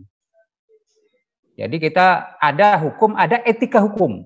Nah, yang kita kita akan pantau ini adalah etikanya, etiknya gitu. Jadi bukan pelanggaran-pelanggaran hukumnya. Kalau hukum sudah jelas itu, pelanggarannya ini hukumnya ini, pelanggarannya ini hukumnya ini gitu. Pasal sekian hukumnya ini gitu. Tapi kalau etika, dewan etik ini nanti berperan lebih banyak bersifat bukan menuntut tapi menuntun. Nah, ini Pak Pak Masri, kita lebih banyak menuntun, bukan menuntut. Kalau ada PSM-PSM yang mungkin diduga melanggar kode etik. Mungkin ini Pak Amir ya, kita beri kesempatan yang lain dulu Pak Amir ya. Tolong masukkan Pak Amir dicatat dan dimasukkan kepada kita paling lambat tanggal 28 dari Jumat besok. Silakan yang lain. Pak Wantu tuh Siapa yang tunjuk tangan nih? Pak Wantu, Pak. Dari mana, Pak? Pak Wantu? Monggo Pak Wantu. Terima kasih. Assalamualaikum warahmatullahi wabarakatuh. Waalaikumsalam warahmatullahi wabarakatuh. Pak, Pak moderator, dan sahabat PSM seluruh Indonesia. Yang pertama yang saya pertanyakan dulu, Pak, izin sebelum Pak masuk Wantu, ikut. izin Pak Ya. Wantu, mohon dari mananya Bapak supaya kita namanya lima ratusan lebih ya kita itu. Balai Besar Jakarta. Oh Kira- iya iya iya. Sebelum masuk saya ke kode etik, Pak moderator, Ya. saya dulu saya belum tahu nih ya. Ini ISMI punya anggaran dasar, anggaran rumah tangga sudah adakah? Ya. Nah, ini. Sudah, ya sudah ada Pak. Sudah ada. Sudah. Kalau sudah ada, seharusnya di apa namanya? Kemu- Kemudian berikutnya, saya hanya melihat menambah kalau di- diterima di pasal di, di pasal 3 ayat 1 itu. Nah, kenapa kalau bisa yang kita munculkan di situ itu empat pilar itu. Pancasila, Undang-Undang Dasar, NKRI dan keberagaman. Saya lihat itu tidak ada hanya dua. Nah, kalau bisa diterima itu kan kalau Pancasila itu kan nilai-nilai dari Pancasila itu sudah ada ketuhanan, kemanusiaan, persatuan, kerakyatan yang dipimpin dan keadilan sosial. Kan itu nilai-nilai. Kemudian keberagaman. PSM ini kita beragam suku, beragam budaya, agama dan lain-lain sebagainya. Harus kita saling menghormati. Nah, kalau bisa, nah itu tadi empat pilar itu kalau diterima dalam forum ini. Saya kira untuk sementara itu, karena saya tidak bisa berbicara terlalu jauh, karena belum tahu anggaran dasar anggaran rumah tangganya. Ya. Berbicara kode etik, tentu membutuhkan biaya. Apa yang kita bahas tadi, Ya. dari mana sumber dananya? Tidak mungkin. Kalau ada bermasalah, bermasalah kan tidak mesti kita langsung menentukan bersalah. Kita harus ada mengidentifikasi ke lapangan, baru ke orangnya. Sumber dananya dari mana? Makanya saya pertanyakan, sudah adakah anggaran dasar anggaran rumah tangganya? Di situ titik tolak kita, Pak. Ya. Sudah cukup Pak Wantu? Terima kasih. Ya, Sudah bisa terima kasih ditangkap. moderator. Ya, terima kasih Pak Wantu dari Balai Besar Jakarta. Ini senior kita ini. Jadi Pak Ketua, Ya. ya kita balik lagi kalau ada ART saya katakan sudah, sudah mungkin sosialisasinya yang masih masih belum. Di dalam ADART juga sudah masuk di situ eh, dari mana sumber dana IFMI ini antara lain dari iuran anggota kan gitu. Iuran anggota ini juga belum kita laksanakan gitu. Kemudian dari pihak-pihak lain yang tidak mengikat lah sifatnya. Jadi silakan Pak Ketua. Baik, terima kasih Pak Patu ya. Pak Wantu, terima kasih Pak. Eh, saya sependapat, yang pertama Pak Ubed, sependapat dengan yang disampaikan. Ini kemarin di pasal 3 memang pertamanya itu Pancasila, tapi kok hilang. Saya kira kemarin yang diskusi kemarin mesti mesti ingat. Kemarin itu ada Pancasila, UUD 45, kemudian terus lain-lain yang disampaikan Pak Watabi. Tapi nanti kaitannya dengan itu kami semurnakan waktu. Ya, berkaitan dengan ADART seperti ini, ya kita maklumi, kita PSM ini terus terang, kalau boleh saya jujur kepada eh, Bapak Ibu sekalian, kepada teman-teman, kita itu berjalan terseok-seok. Sampai sekarang ATK saja tidak ada anggarannya, Bapak. Jadi kita Ya. itu saya, Pak Nurdin, Pak Ketum kita, kemudian eh, beberapa teman yang lainnya, Pak Sekjen, anu, apa, Bu Sekjen, itu sudah mengajukan berkali-kali juga. Jadi sudah mengajukan juga berkali-kali ke strukturalnya. Tapi ya sampai saat ini wallahu alam bisawab itu belum belum terrealisir, Pak. Tapi alhamdulillah kita sudah bisa difasilitasi fasilitasi seperti ini. Kami sering kumpul berkaitan dengan eh, kegiatan apa sih sebenarnya. Bahkan kami itu sudah punya program nanti boleh disampaikan Pak Ketum. Di Kota Purwokro ke saya dengan Pak Ketum itu terus ke sana sini sampai mencari tempat bagaimana nanti teman-teman daerah itu begitu ke Jakarta itu sudah nggak usah jauh-jauh ke mana-mana, ada punya tempat lah begitu untuk untuk anu kita. Tapi bahkan bulan puasa kemarin Pak, ini jadi saya sampaikan ya, bulan puasa kemarin Pak, yang di kabak rumah tangganya bilang nanti habis habis Lebaran Pak Sri ambil kunci ruangan bisa dipakai alhamdulillahirabbil alamin. Saya bilang saya laporan ke ketum juga Ternyata apa yang terjadi dipakai tempat lain lagi ya kita kalah lagi. Nah inilah penderitaan kami terus terang aja. Jadi bukan curhat ini, tapi ya begitulah. Kaitan tempat aja seperti itu. Kemudian ya, beberapa beberapa narasum beberapa anu ya beberapa uh, uh, penyandang dana sebenarnya ya. Kemarin ya. apa juga dengan World Bank, tapi nggak tahu terakhir ini nanti seperti apa gitu. Nanti ya kita mudah-mudahan kita sementara berdoa dulu uh, supaya ke depannya PSM ini bisa maju lah begitu. Artinya kita memang ini bahkan kan kita udah ada bendaranya nih Pak. Bendara umum itu Bu Endang Wijayanti mungkin sudah pensiun. Kemudian Wakil Bendara Mbak Dian Mentari Alam SPMM HAM kemudian Wakil Bendara 2 Indrayanti Yunita SOS MSI jadi sudah ada bendaranya tapi sampai alhamdulillah sampai sekarang belum megang uang pak, belum ada uangnya begitu. Jadi uh, baik jadi, pak, ya, pak ketua. Itu, ya. ya. Jadi ya begitulah belum ada uang lah Pak Sri. Ya. Halo. Enggak artinya ini biar biar kita tahu semua ya, kita tahu semua supaya sebentar, nanti sebentar. harapan kita kita kan organisasi organisasi PSM ini supaya juga makanya tanpa ada dukungan struktural saya rasa eh, kita masih belum bisa. Nah, mudah-mudahan dengan alhamdulillah sudah dilantik utamanya kita ini, Pak Ketum kita yang baru, nanti terobosannya lebih tajam begitu, bisa tahu jalan tikus gitu aja lah. Baik, Pak Maaf, Ketua. saya kalau ngomong katanya apa adanya, tapi demi organisasi. Baik, Pak Ketua, Pak Ketua. Ya, ya. saya saya potong dulu. Kita fokus dulu ke kode etik nih. Kalau kita membahas ke luar ini, memang banyak persoalan di ISMI ya. Pak, uh, ini kan sebab akibat, Pak. Tadi kan ya. bertanya ADRT gimana, keuangan aja harus dipikirkan bagaimana dananya dari mana kan begitu beliau nanya. Kalau enggak saya saya juga tidak akan menyampaikan gitu loh. Iya, iya, iya. Jadi Pak, masih perlu nanti. Kalau iya. untuk kode kode ADRT nanti kita lewat munas lagi gitu. Kita iya. khusus sekarang membahas kode etik dulu. Kita ini Jadi, kan memuaskan Pak, ini, Pak. Masukan dari Pak Wantu kaitannya dengan empat pilar, ya itu nanti jadi bahan pertimbangan tim untuk bisa di, disempurnakan lagi apa yang sudah dirancang ini. Kami persilakan dulu dari yang lain. Mas Kunto?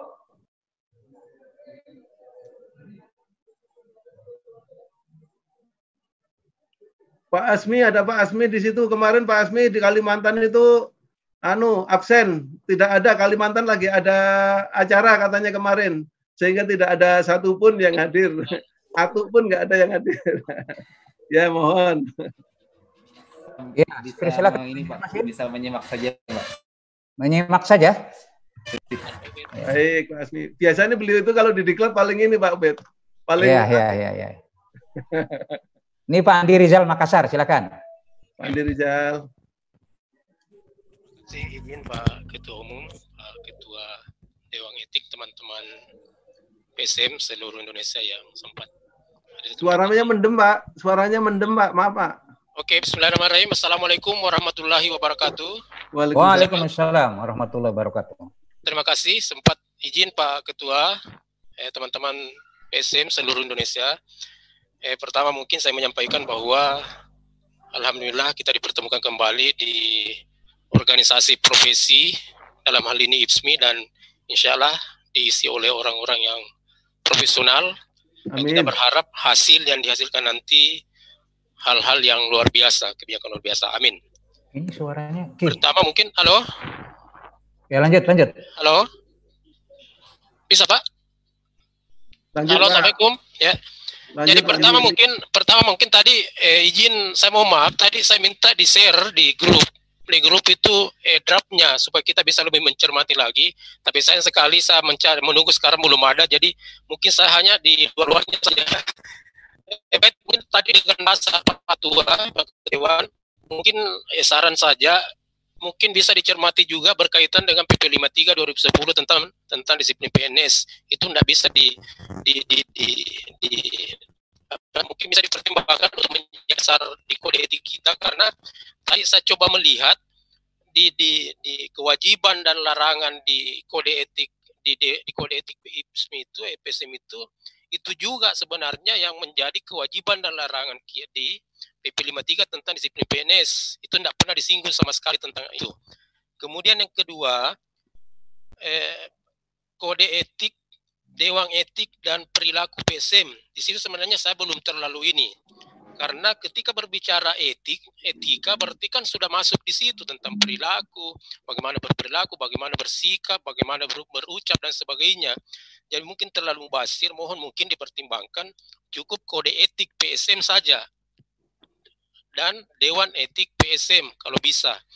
Karena eh, ketika berbicara etika berarti artinya pedoman yang harus di, di, dipedomani menjadi patokan bagi eh, PSM tersebut untuk dalam berbuat, berperilaku, berucap dan sebagainya dan sebagainya. Mungkin itu pertimbangan. Kemudian yang eh, yang lainnya itu tadi mungkin Pak Wantu eh, kurang apa yang sama dengan Pak Wantu tadi mungkin eh, Bapak Ibu mungkin izin Pak Ketua mohon maaf mungkin bisa lebih lebih di disosialisasikan lagi misalnya ADRT. ADRT kan eh, sudah ada, apakah itu bentuk draft atau sudah ada dan sebagainya. Apa salahnya kalau di, di, di share ke grup di kita, di grup eh, PSM yang ada. Eh, itu itu itu saja barangkali yang dari saya untuk sementara. Terima kasih moderator. Sekian. Assalamualaikum warahmatullahi wabarakatuh. wabarakatuh. Terima kasih Pak Andi. Jadi sudah kami catat tadi kaitannya dengan pasal-pasal yang mengatur kewajiban dan larangan PSM itu yaitu sebetulnya juga sudah ada di PP tentang disiplin PNS gitu ya. Apakah memang harus dituangkan kembali di dalam uh, kode etik ini? Karena itu merupakan aturan-aturan uh, ataupun uh, peraturan yang lebih tinggi lagi yang harus kita patuhi sebagai PNS gitu ya. Makanya nanti ya kita melalui tim nanti jadi pertimbangan untuk kita sederhanakan gitu apa memang harus dimasukin atau tidak. Kemudian kaitannya dengan kode etik dan perilaku. Ini memang dalam pembahasan sebelumnya juga sudah ada. Apakah memang dicantumkan kode etik dan kode perilaku ini satu kata karena di dalam PEP per, Permenpan 28-nya itu dalam pasal-pasal pasal satu yang disampaikan ketua tadi disebutkan di situ kode etik dan kode perilaku. Tapi bisa saja nanti untuk selanjutnya disebutkan di sini kode etik saja. Gitu. Kaitannya dengan sosialisasi ADRT memang ini segera mungkin di-share aja lah dalam grup supaya seluruh PSM memahami isi daripada ADRT ini. Silakan Pak Ketua untuk bisa memberikan penjelasan lebih lanjut. Baik, terima kasih Pak Andi Rizal ya. Eh, berkaitan tadi sudah sebenarnya sudah dijawab sebagian. Jadi eh, kalau di dalam undang-undang ASN-nya itu sudah masuk di situ, ya tentunya apa kita akan timbulkan lagi? Kan nggak perlu. Berarti itu sudah selaras bapak. Kan sudah laras. Laras satunya memang itu sudah tidak bertentangan dengan undang-undang di atasnya gitu loh. Atau dengan peraturan yang lain tidak bertentangan. Berarti kan sudah cocok bagus eh, saya mohon maaf. Mungkin yang teman-teman akan mengeser bahan tadi ini kan di kebijakan di kami ini di pusat kan anu Pak uh, artinya 50% yang boleh masuk Pak. Jadi mungkin teman-teman juga masih ada yang di rumah, mungkin WA istilah gitu kan mungkin sama juga ya di daerah ya WFH, WFO. Jadi mungkin ada juga yang di WFA bahannya tidak ada, yang tadinya ngetik sehingga nggak bisa nge-share seperti itu Pak. Nah inilah kelemahannya COVID ini. Makanya kita semua harus berdoa ini supaya COVID segera berlalu begitu. Eh, kemudian ADR ADART anggaran dasar dan anggaran rumah tangga yang disampaikan uh, bisa di-share. Nah, uh, insya Allah nanti bisa difasilitasi oleh teman-teman dari Puslatmas begitu. Artinya kalau sudah ada ya segera di-share aja ke daerah, termasuk mungkin SK-nya. Karena kemarin kami juga dapat keluhan bahwa saya ditunjuk tapi SK-nya belum terima sampai sekarang. Nah, SK ini kan sedang sedang berproses yang tadinya ditandatangani oleh Pak Ketum, kita berharap sekarang bisa atas arahan Pak Ketum bisa kita sepakat ditandai ditandatangani oleh Pak Sekjen begitu. Nah, ini dalam proses begitu. Saya rasa itu Pak Andi Rizal. Terima kasih. Ya, baik. Terima kasih Pak Ketua. Kita masih punya waktu ini eh, 20 menit lagi ya. Masih bisa kita dengarkan dari yang lain pendapatnya, saran dan masukannya silahkan. Uh, Pak Yohanes. Dikit, dikit Pak Moderator. Ya. uh, terima kasih. Selamat siang. Salam sehat buat semuanya. Uh, perkenalkan saya Yohanes dari Puslatmas. Uh, ini sih uh, pertama saya agak setuju tadi dari Pak Pak Andi. Tadinya bayangan saya, saya kan belum pernah baca yang kode etik ini. Bayangan saya itu kode etik itu memuat satu ada kode etik yang udah memang mengikat kita sebagai ASN ya. ASN itu. Jadi disebutkan apa apa apa. Kemudian kode etik yang khusus. Jadi khusus dalam artian kita sebagai PSM. PSM ini kan cuma kementerian kita. Uh, tapi saya lihat juga ini di, di mengingat ini kok Undang-Undang Nomor 6 malah nggak dicantumkan ya tentang pemberdayaan. Padahal pemberdayaan di situ di. Nah, jadi tadi bayangan saya gitu. Jadi kode etik itu uh, yang terkait dengan butir butir-butir dari Permenpan 28 itu kan sangat komprehensif itu. Jadi teman-teman kita PSM ini kan ada yang di balai, ada yang di dinas lain atau ini. Nah itu pada saat melaksanakan tugas mau nggak mau nggak mau suka nggak suka tetap membawa institusi di mana dia berkedudukan kan. Nah seandainya misalnya teman-teman yang di balai misalnya terlibat kegiatan yang di dinas PMD itu bagaimana? Tadinya saya bayangan saya termasuk mengatur etika tentang ini juga gitu. Tapi ya karena draftnya udah jadi ya monggo.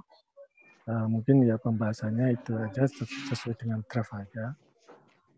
Kemudian ada mungkin tambahan aja eh, seperti tadi disampaikan oleh Pak Ketua Dewan bahwa eh, di IFMI ini kan kita ada Dewan Pembina ya Pak.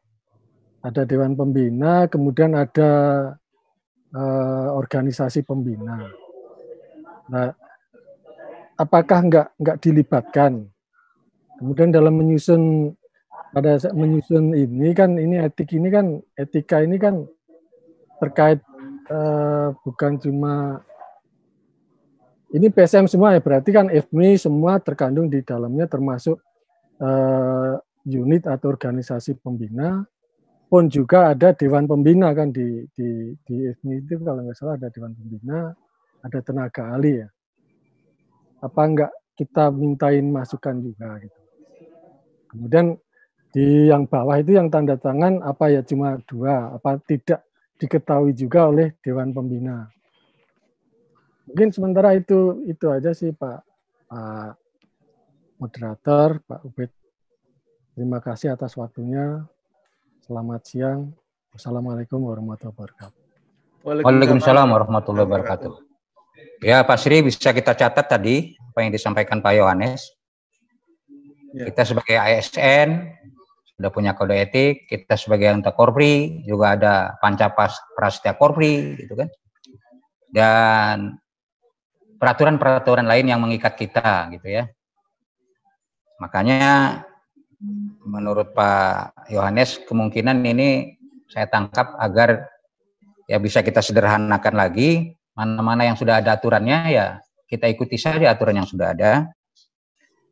Di sini beliau mengharapkan ya ada juga keterlibatan dari pembina resmi untuk bisa memberikan masukan juga termasuk menandatangani gitu etika ini. Silakan Pak Ketua. Baik, terima kasih Pak Moderator. Uh, Mas Yo, selamat sore Mas Yo. Ini saya sebenarnya mau bilang tapi nggak tega. Ini jeruk makan jeruk ini. tapi ya nggak apa-apa begitu diskusi ini kan terbuka gitu ya nggak iya, masalah iya. nggak masalah mas Yo. ya mestinya masuk yang kita sama-sama gitu tapi nggak apa-apa bapak ibu sekalian jadi Dewan Pembina. Dewan Pembina tadi yang saya sampaikan di awal itu kan kita di dalam SK kita IPSMI kan ada yaitu terdiri dari Pak Sekjen, Pak Ijen, kemudian para Direktur Jenderal, Nah, nanti memang kita tidak bisa tinggalkan beliau, beliau itu Pak. Tapi nanti kita akan ke kepala balai Pak, Bali Lapo dalam hal ini yang membawahi bawa kita. Paling tidak kan itu kita libatkan nanti setelah kita makanya di dalam itu memang sebelum nanti disahkan pada saat uh, rapat terakhir itu kita ajukan ke beliau begitu. Nah, Pak Yo tadi uh, sarannya bagaimana apa beli itu yang belum ada Pak bagaimana apakah Pak Kepala Badan itu juga perlu tanda tangan. Nah, ini monggo kesepakatan kalau ini saya saya saya saya serahkan kepada Bapak Ibu sekalian, apakah perlu ada kepala badan sebagai mengetahui atau sebagai apa begitu. Mungkin Jadi saya sepakat uh, kalau itu Pak Yo. Iya, mungkin Pak kalau Sudah cukup Pak Sri. Ya, kalau kakak badan itu kan selaku Baik Pak Sri, terima kasih ya. selaku selaku unit pembina juga sebagai dewan pembina kan gitu. Kalau Pak Kabadan. Iya betul Pak ya betul. Mengetahui aja sih. Oke baik. Iya baik diterima ya untuk bisa diketahui memang harus diketahui karena kita organisasi profesi yang berada di instansi pemerintah.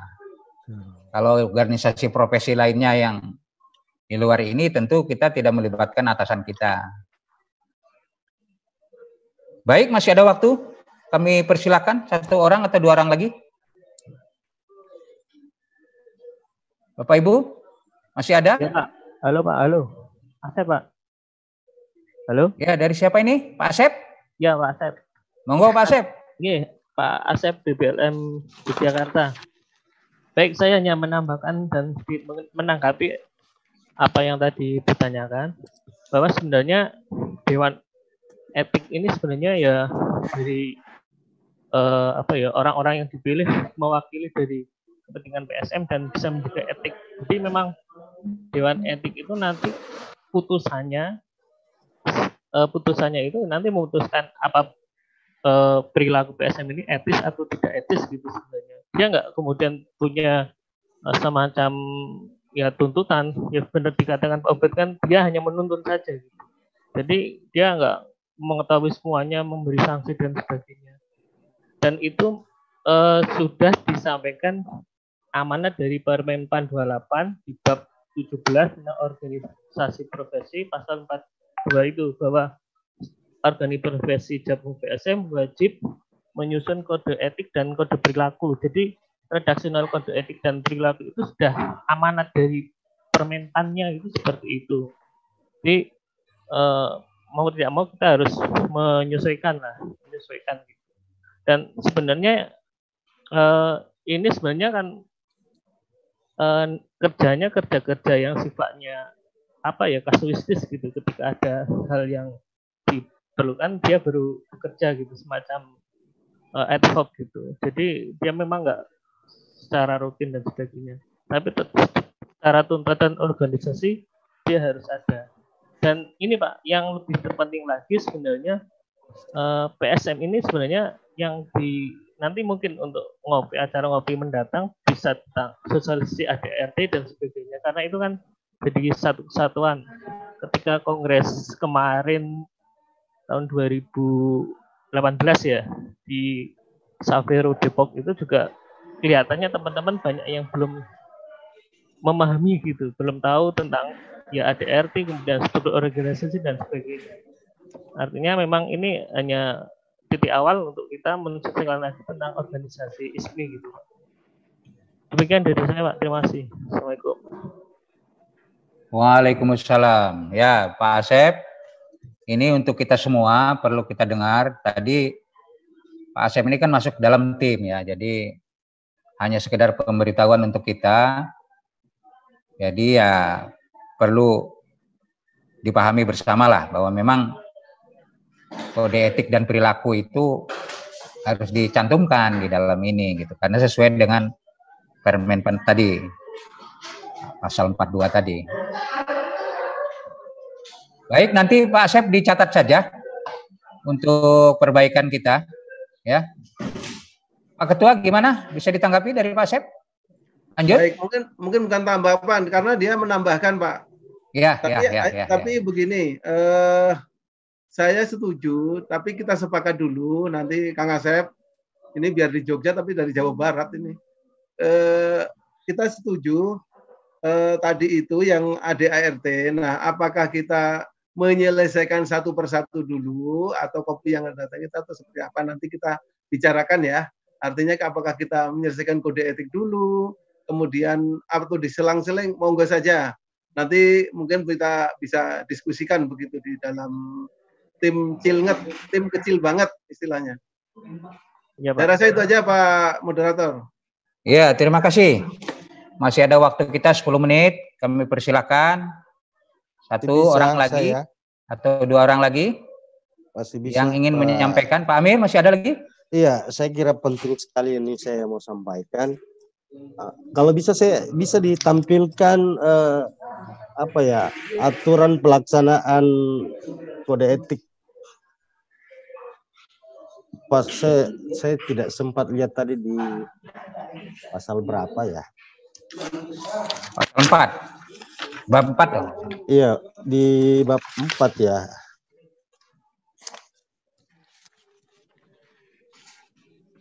Aturan aturan regulasi yang mengatur itu. Bab 3 pasal 6.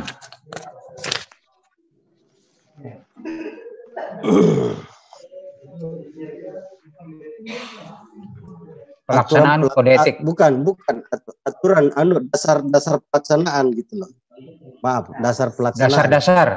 Dasar pelaksanaan aturan yang mengikat. Tadi salah satunya tadi kan ada anggaran di, di mengingat di mengingat Pak. Pak Oh di mengingat ya ya, ya mungkin saya lihat.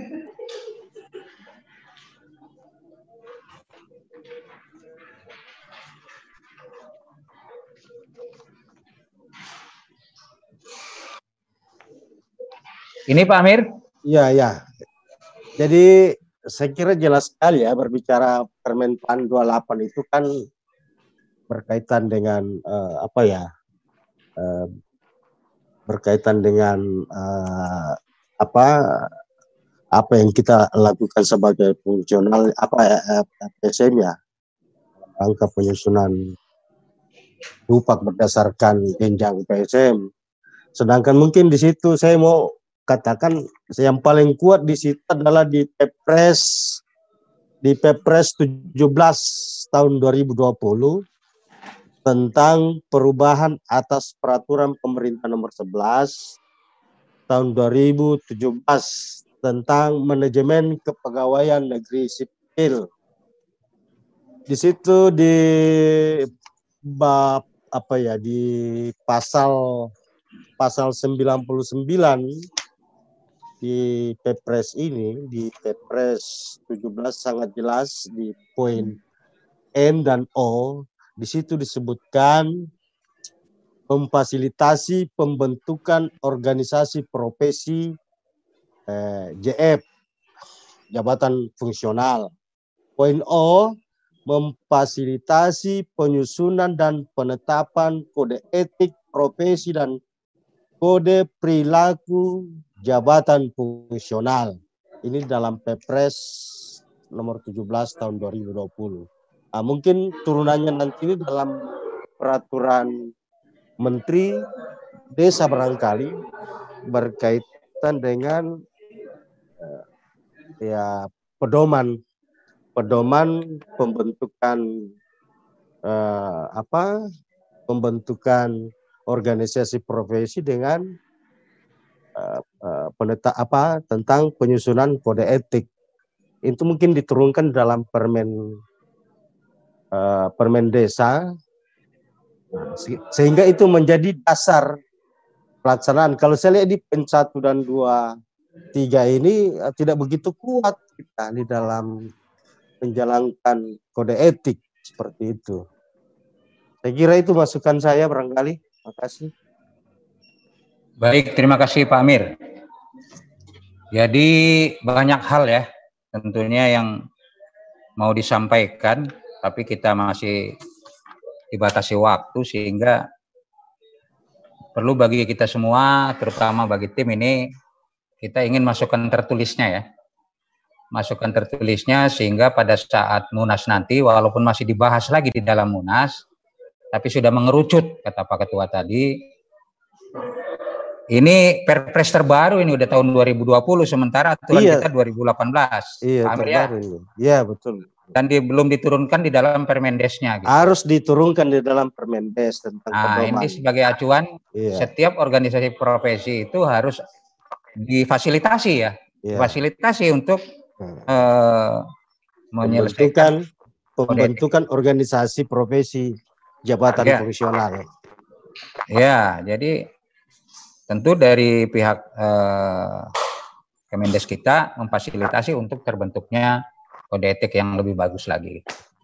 Namun demikian sebagai uh, kepengurusan ISMI sekarang ini, saya pikir apa pun hasilnya ya kita buat saja dulu karena di dalam pasal-pasal berikutnya itu pasal terakhir mungkin itu perlu diberikan bab penutup di situ bahwa kode etik ini bisa dirubah, bisa kita sempurnakan lagi pada masa yang akan datang gitu. Jadi sekarang ya dicatat saja dulu oleh tim apa pemasukan ini untuk bisa kita kita perbaiki lagi pada saat munas berikutnya gitu Pak Amir ya. Baik. Oke Pak Amir terima kasih. Ini masih ada lima menit lagi Pak Ketua silakan. Pak Ketua. Baik termasuk ya. Teman. Enggak. Bagaimana Pak? Bisa moderator, sedikit lagi moderator. Uh, artinya waktunya sudah habis atau sebentar untuk close statement juga? Iya, ya. Habis waktunya. Um, ya. Pak Ketua silakan. Izin Bapak, mungkin kita bisa uh, closing untuk streaming dulu. Setelah itu, jika masih ada yang ingin disampaikan, kita bisa lanjut lagi setelah closing dari MC. Bagaimana Bapak, Ibu sekalian? Ya, Pak ya. Silakan, Mbak. Oke, Bapak moderator maaf. Ya. Silakan Bang Yudi. Ya, baik. Terima kasih berarti sudah selesai ya.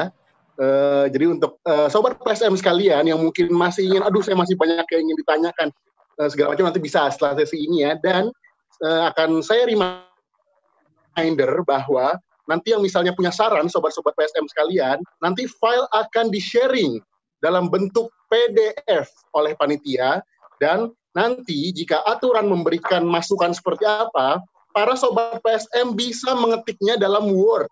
Ya, sekali lagi dapat diketik dalam Word dan, dan tentukan masuk ke bab di pasal berapa. Itu harus diketik. Dan kemudian masukan tadi dapat dikirim kembali ke email ipsmi.id at gmail.com. Sekali lagi, masukan tadi dapat dikirim kembali ke ipsmi, ipsmi.id at gmail.com dan ditunggu paling lambat Jumat 28 Agustus 2020 jam 12 siang. Sekali lagi, masukan paling lambat diterima di email ipsmi.id at gmail.com paling lambat 28 Agustus 2020 jam 12 siang. Baik, setelah pemberitahuan reminder tadi, sebelumnya saya mengucapkan terima kasih kepada seluruh narasumber, moderator, dan rekan-rekan peserta ngopi PSM yang sangat interaktif. Wah, waktunya kurang ya Pak sebenarnya ya. dan selanjutnya saya juga berterima kasih kepada Bapak Sri Supriyono. Terima kasih Bapak ya selaku Ketua Dewan Etik dan Perilaku PSM yang telah memaparkan rancangan kode etik dan perilaku PSM dan kemudian saya juga mengucapkan terima kasih kepada moderator kita Bapak Ubed. Terima kasih yep. Pak Ubed ya yang berkenan memandu jalannya acara sehingga diskusi kita menjadi lancar dan saya juga mengucapkan terima kasih kepada seluruh sobat-sobat PSM nih yang udah menonton di YouTube channel Akademi Desa yang ikut Zoom meeting serta menyaksikan di saluran TV Desa yang ternyata tadi di aplikasi ada, di Genflix juga ada ya. Dan jangan lupa untuk para sobat PSM, nah harus mengisi link daftar hadir ya. Jangan lupa sekali lagi harus mengisi link daftar hadir dan juga mengisi evaluasi yang telah di ada di chat ya, di chat dari tim ngopi itu harus diisi oleh para sobat PSM sekalian. Dan juga di sini MC juga akan menginformasikan bahwa untuk seluruh sobat PSM di Indonesia, panitia boleh screen sharing. Nah, ada lomba semarak kemerdekaan Republik Indonesia yang ke-75 dan ini masih dibuka sampai 31 Agustus 2020. Ya, bisa dilihat di situ ya. Ada linknya, dia tinggal di scan. Di situ ada ada kontak personnya, ada lomba esai, lomba memfasilitasi kegiatan secara daring. Di situ juga banyak dan boleh langsung di scan barcode-nya, boleh juga dicatat uh, kontak personnya ada lomba desain merchandise PSM juga dan ada lomba info dan video grafis dan semuanya free ya situ ya baik dan juga uh, di sini kami juga mengucapkan terima kasih kepada TV Desa lagi ya untuk mendukung program Ngopi Bersama PSM karena sudah ada di aplikasi yang tadi saya sebutkan Kugo dan juga Genflix luar biasa. Baiklah, sebelum mengakhiri, tadi kita memulai dengan doa. Dan kita mengakhiri acara ini juga dengan doa. Baiklah, kita sabar PSM, berdoa. Dimulai.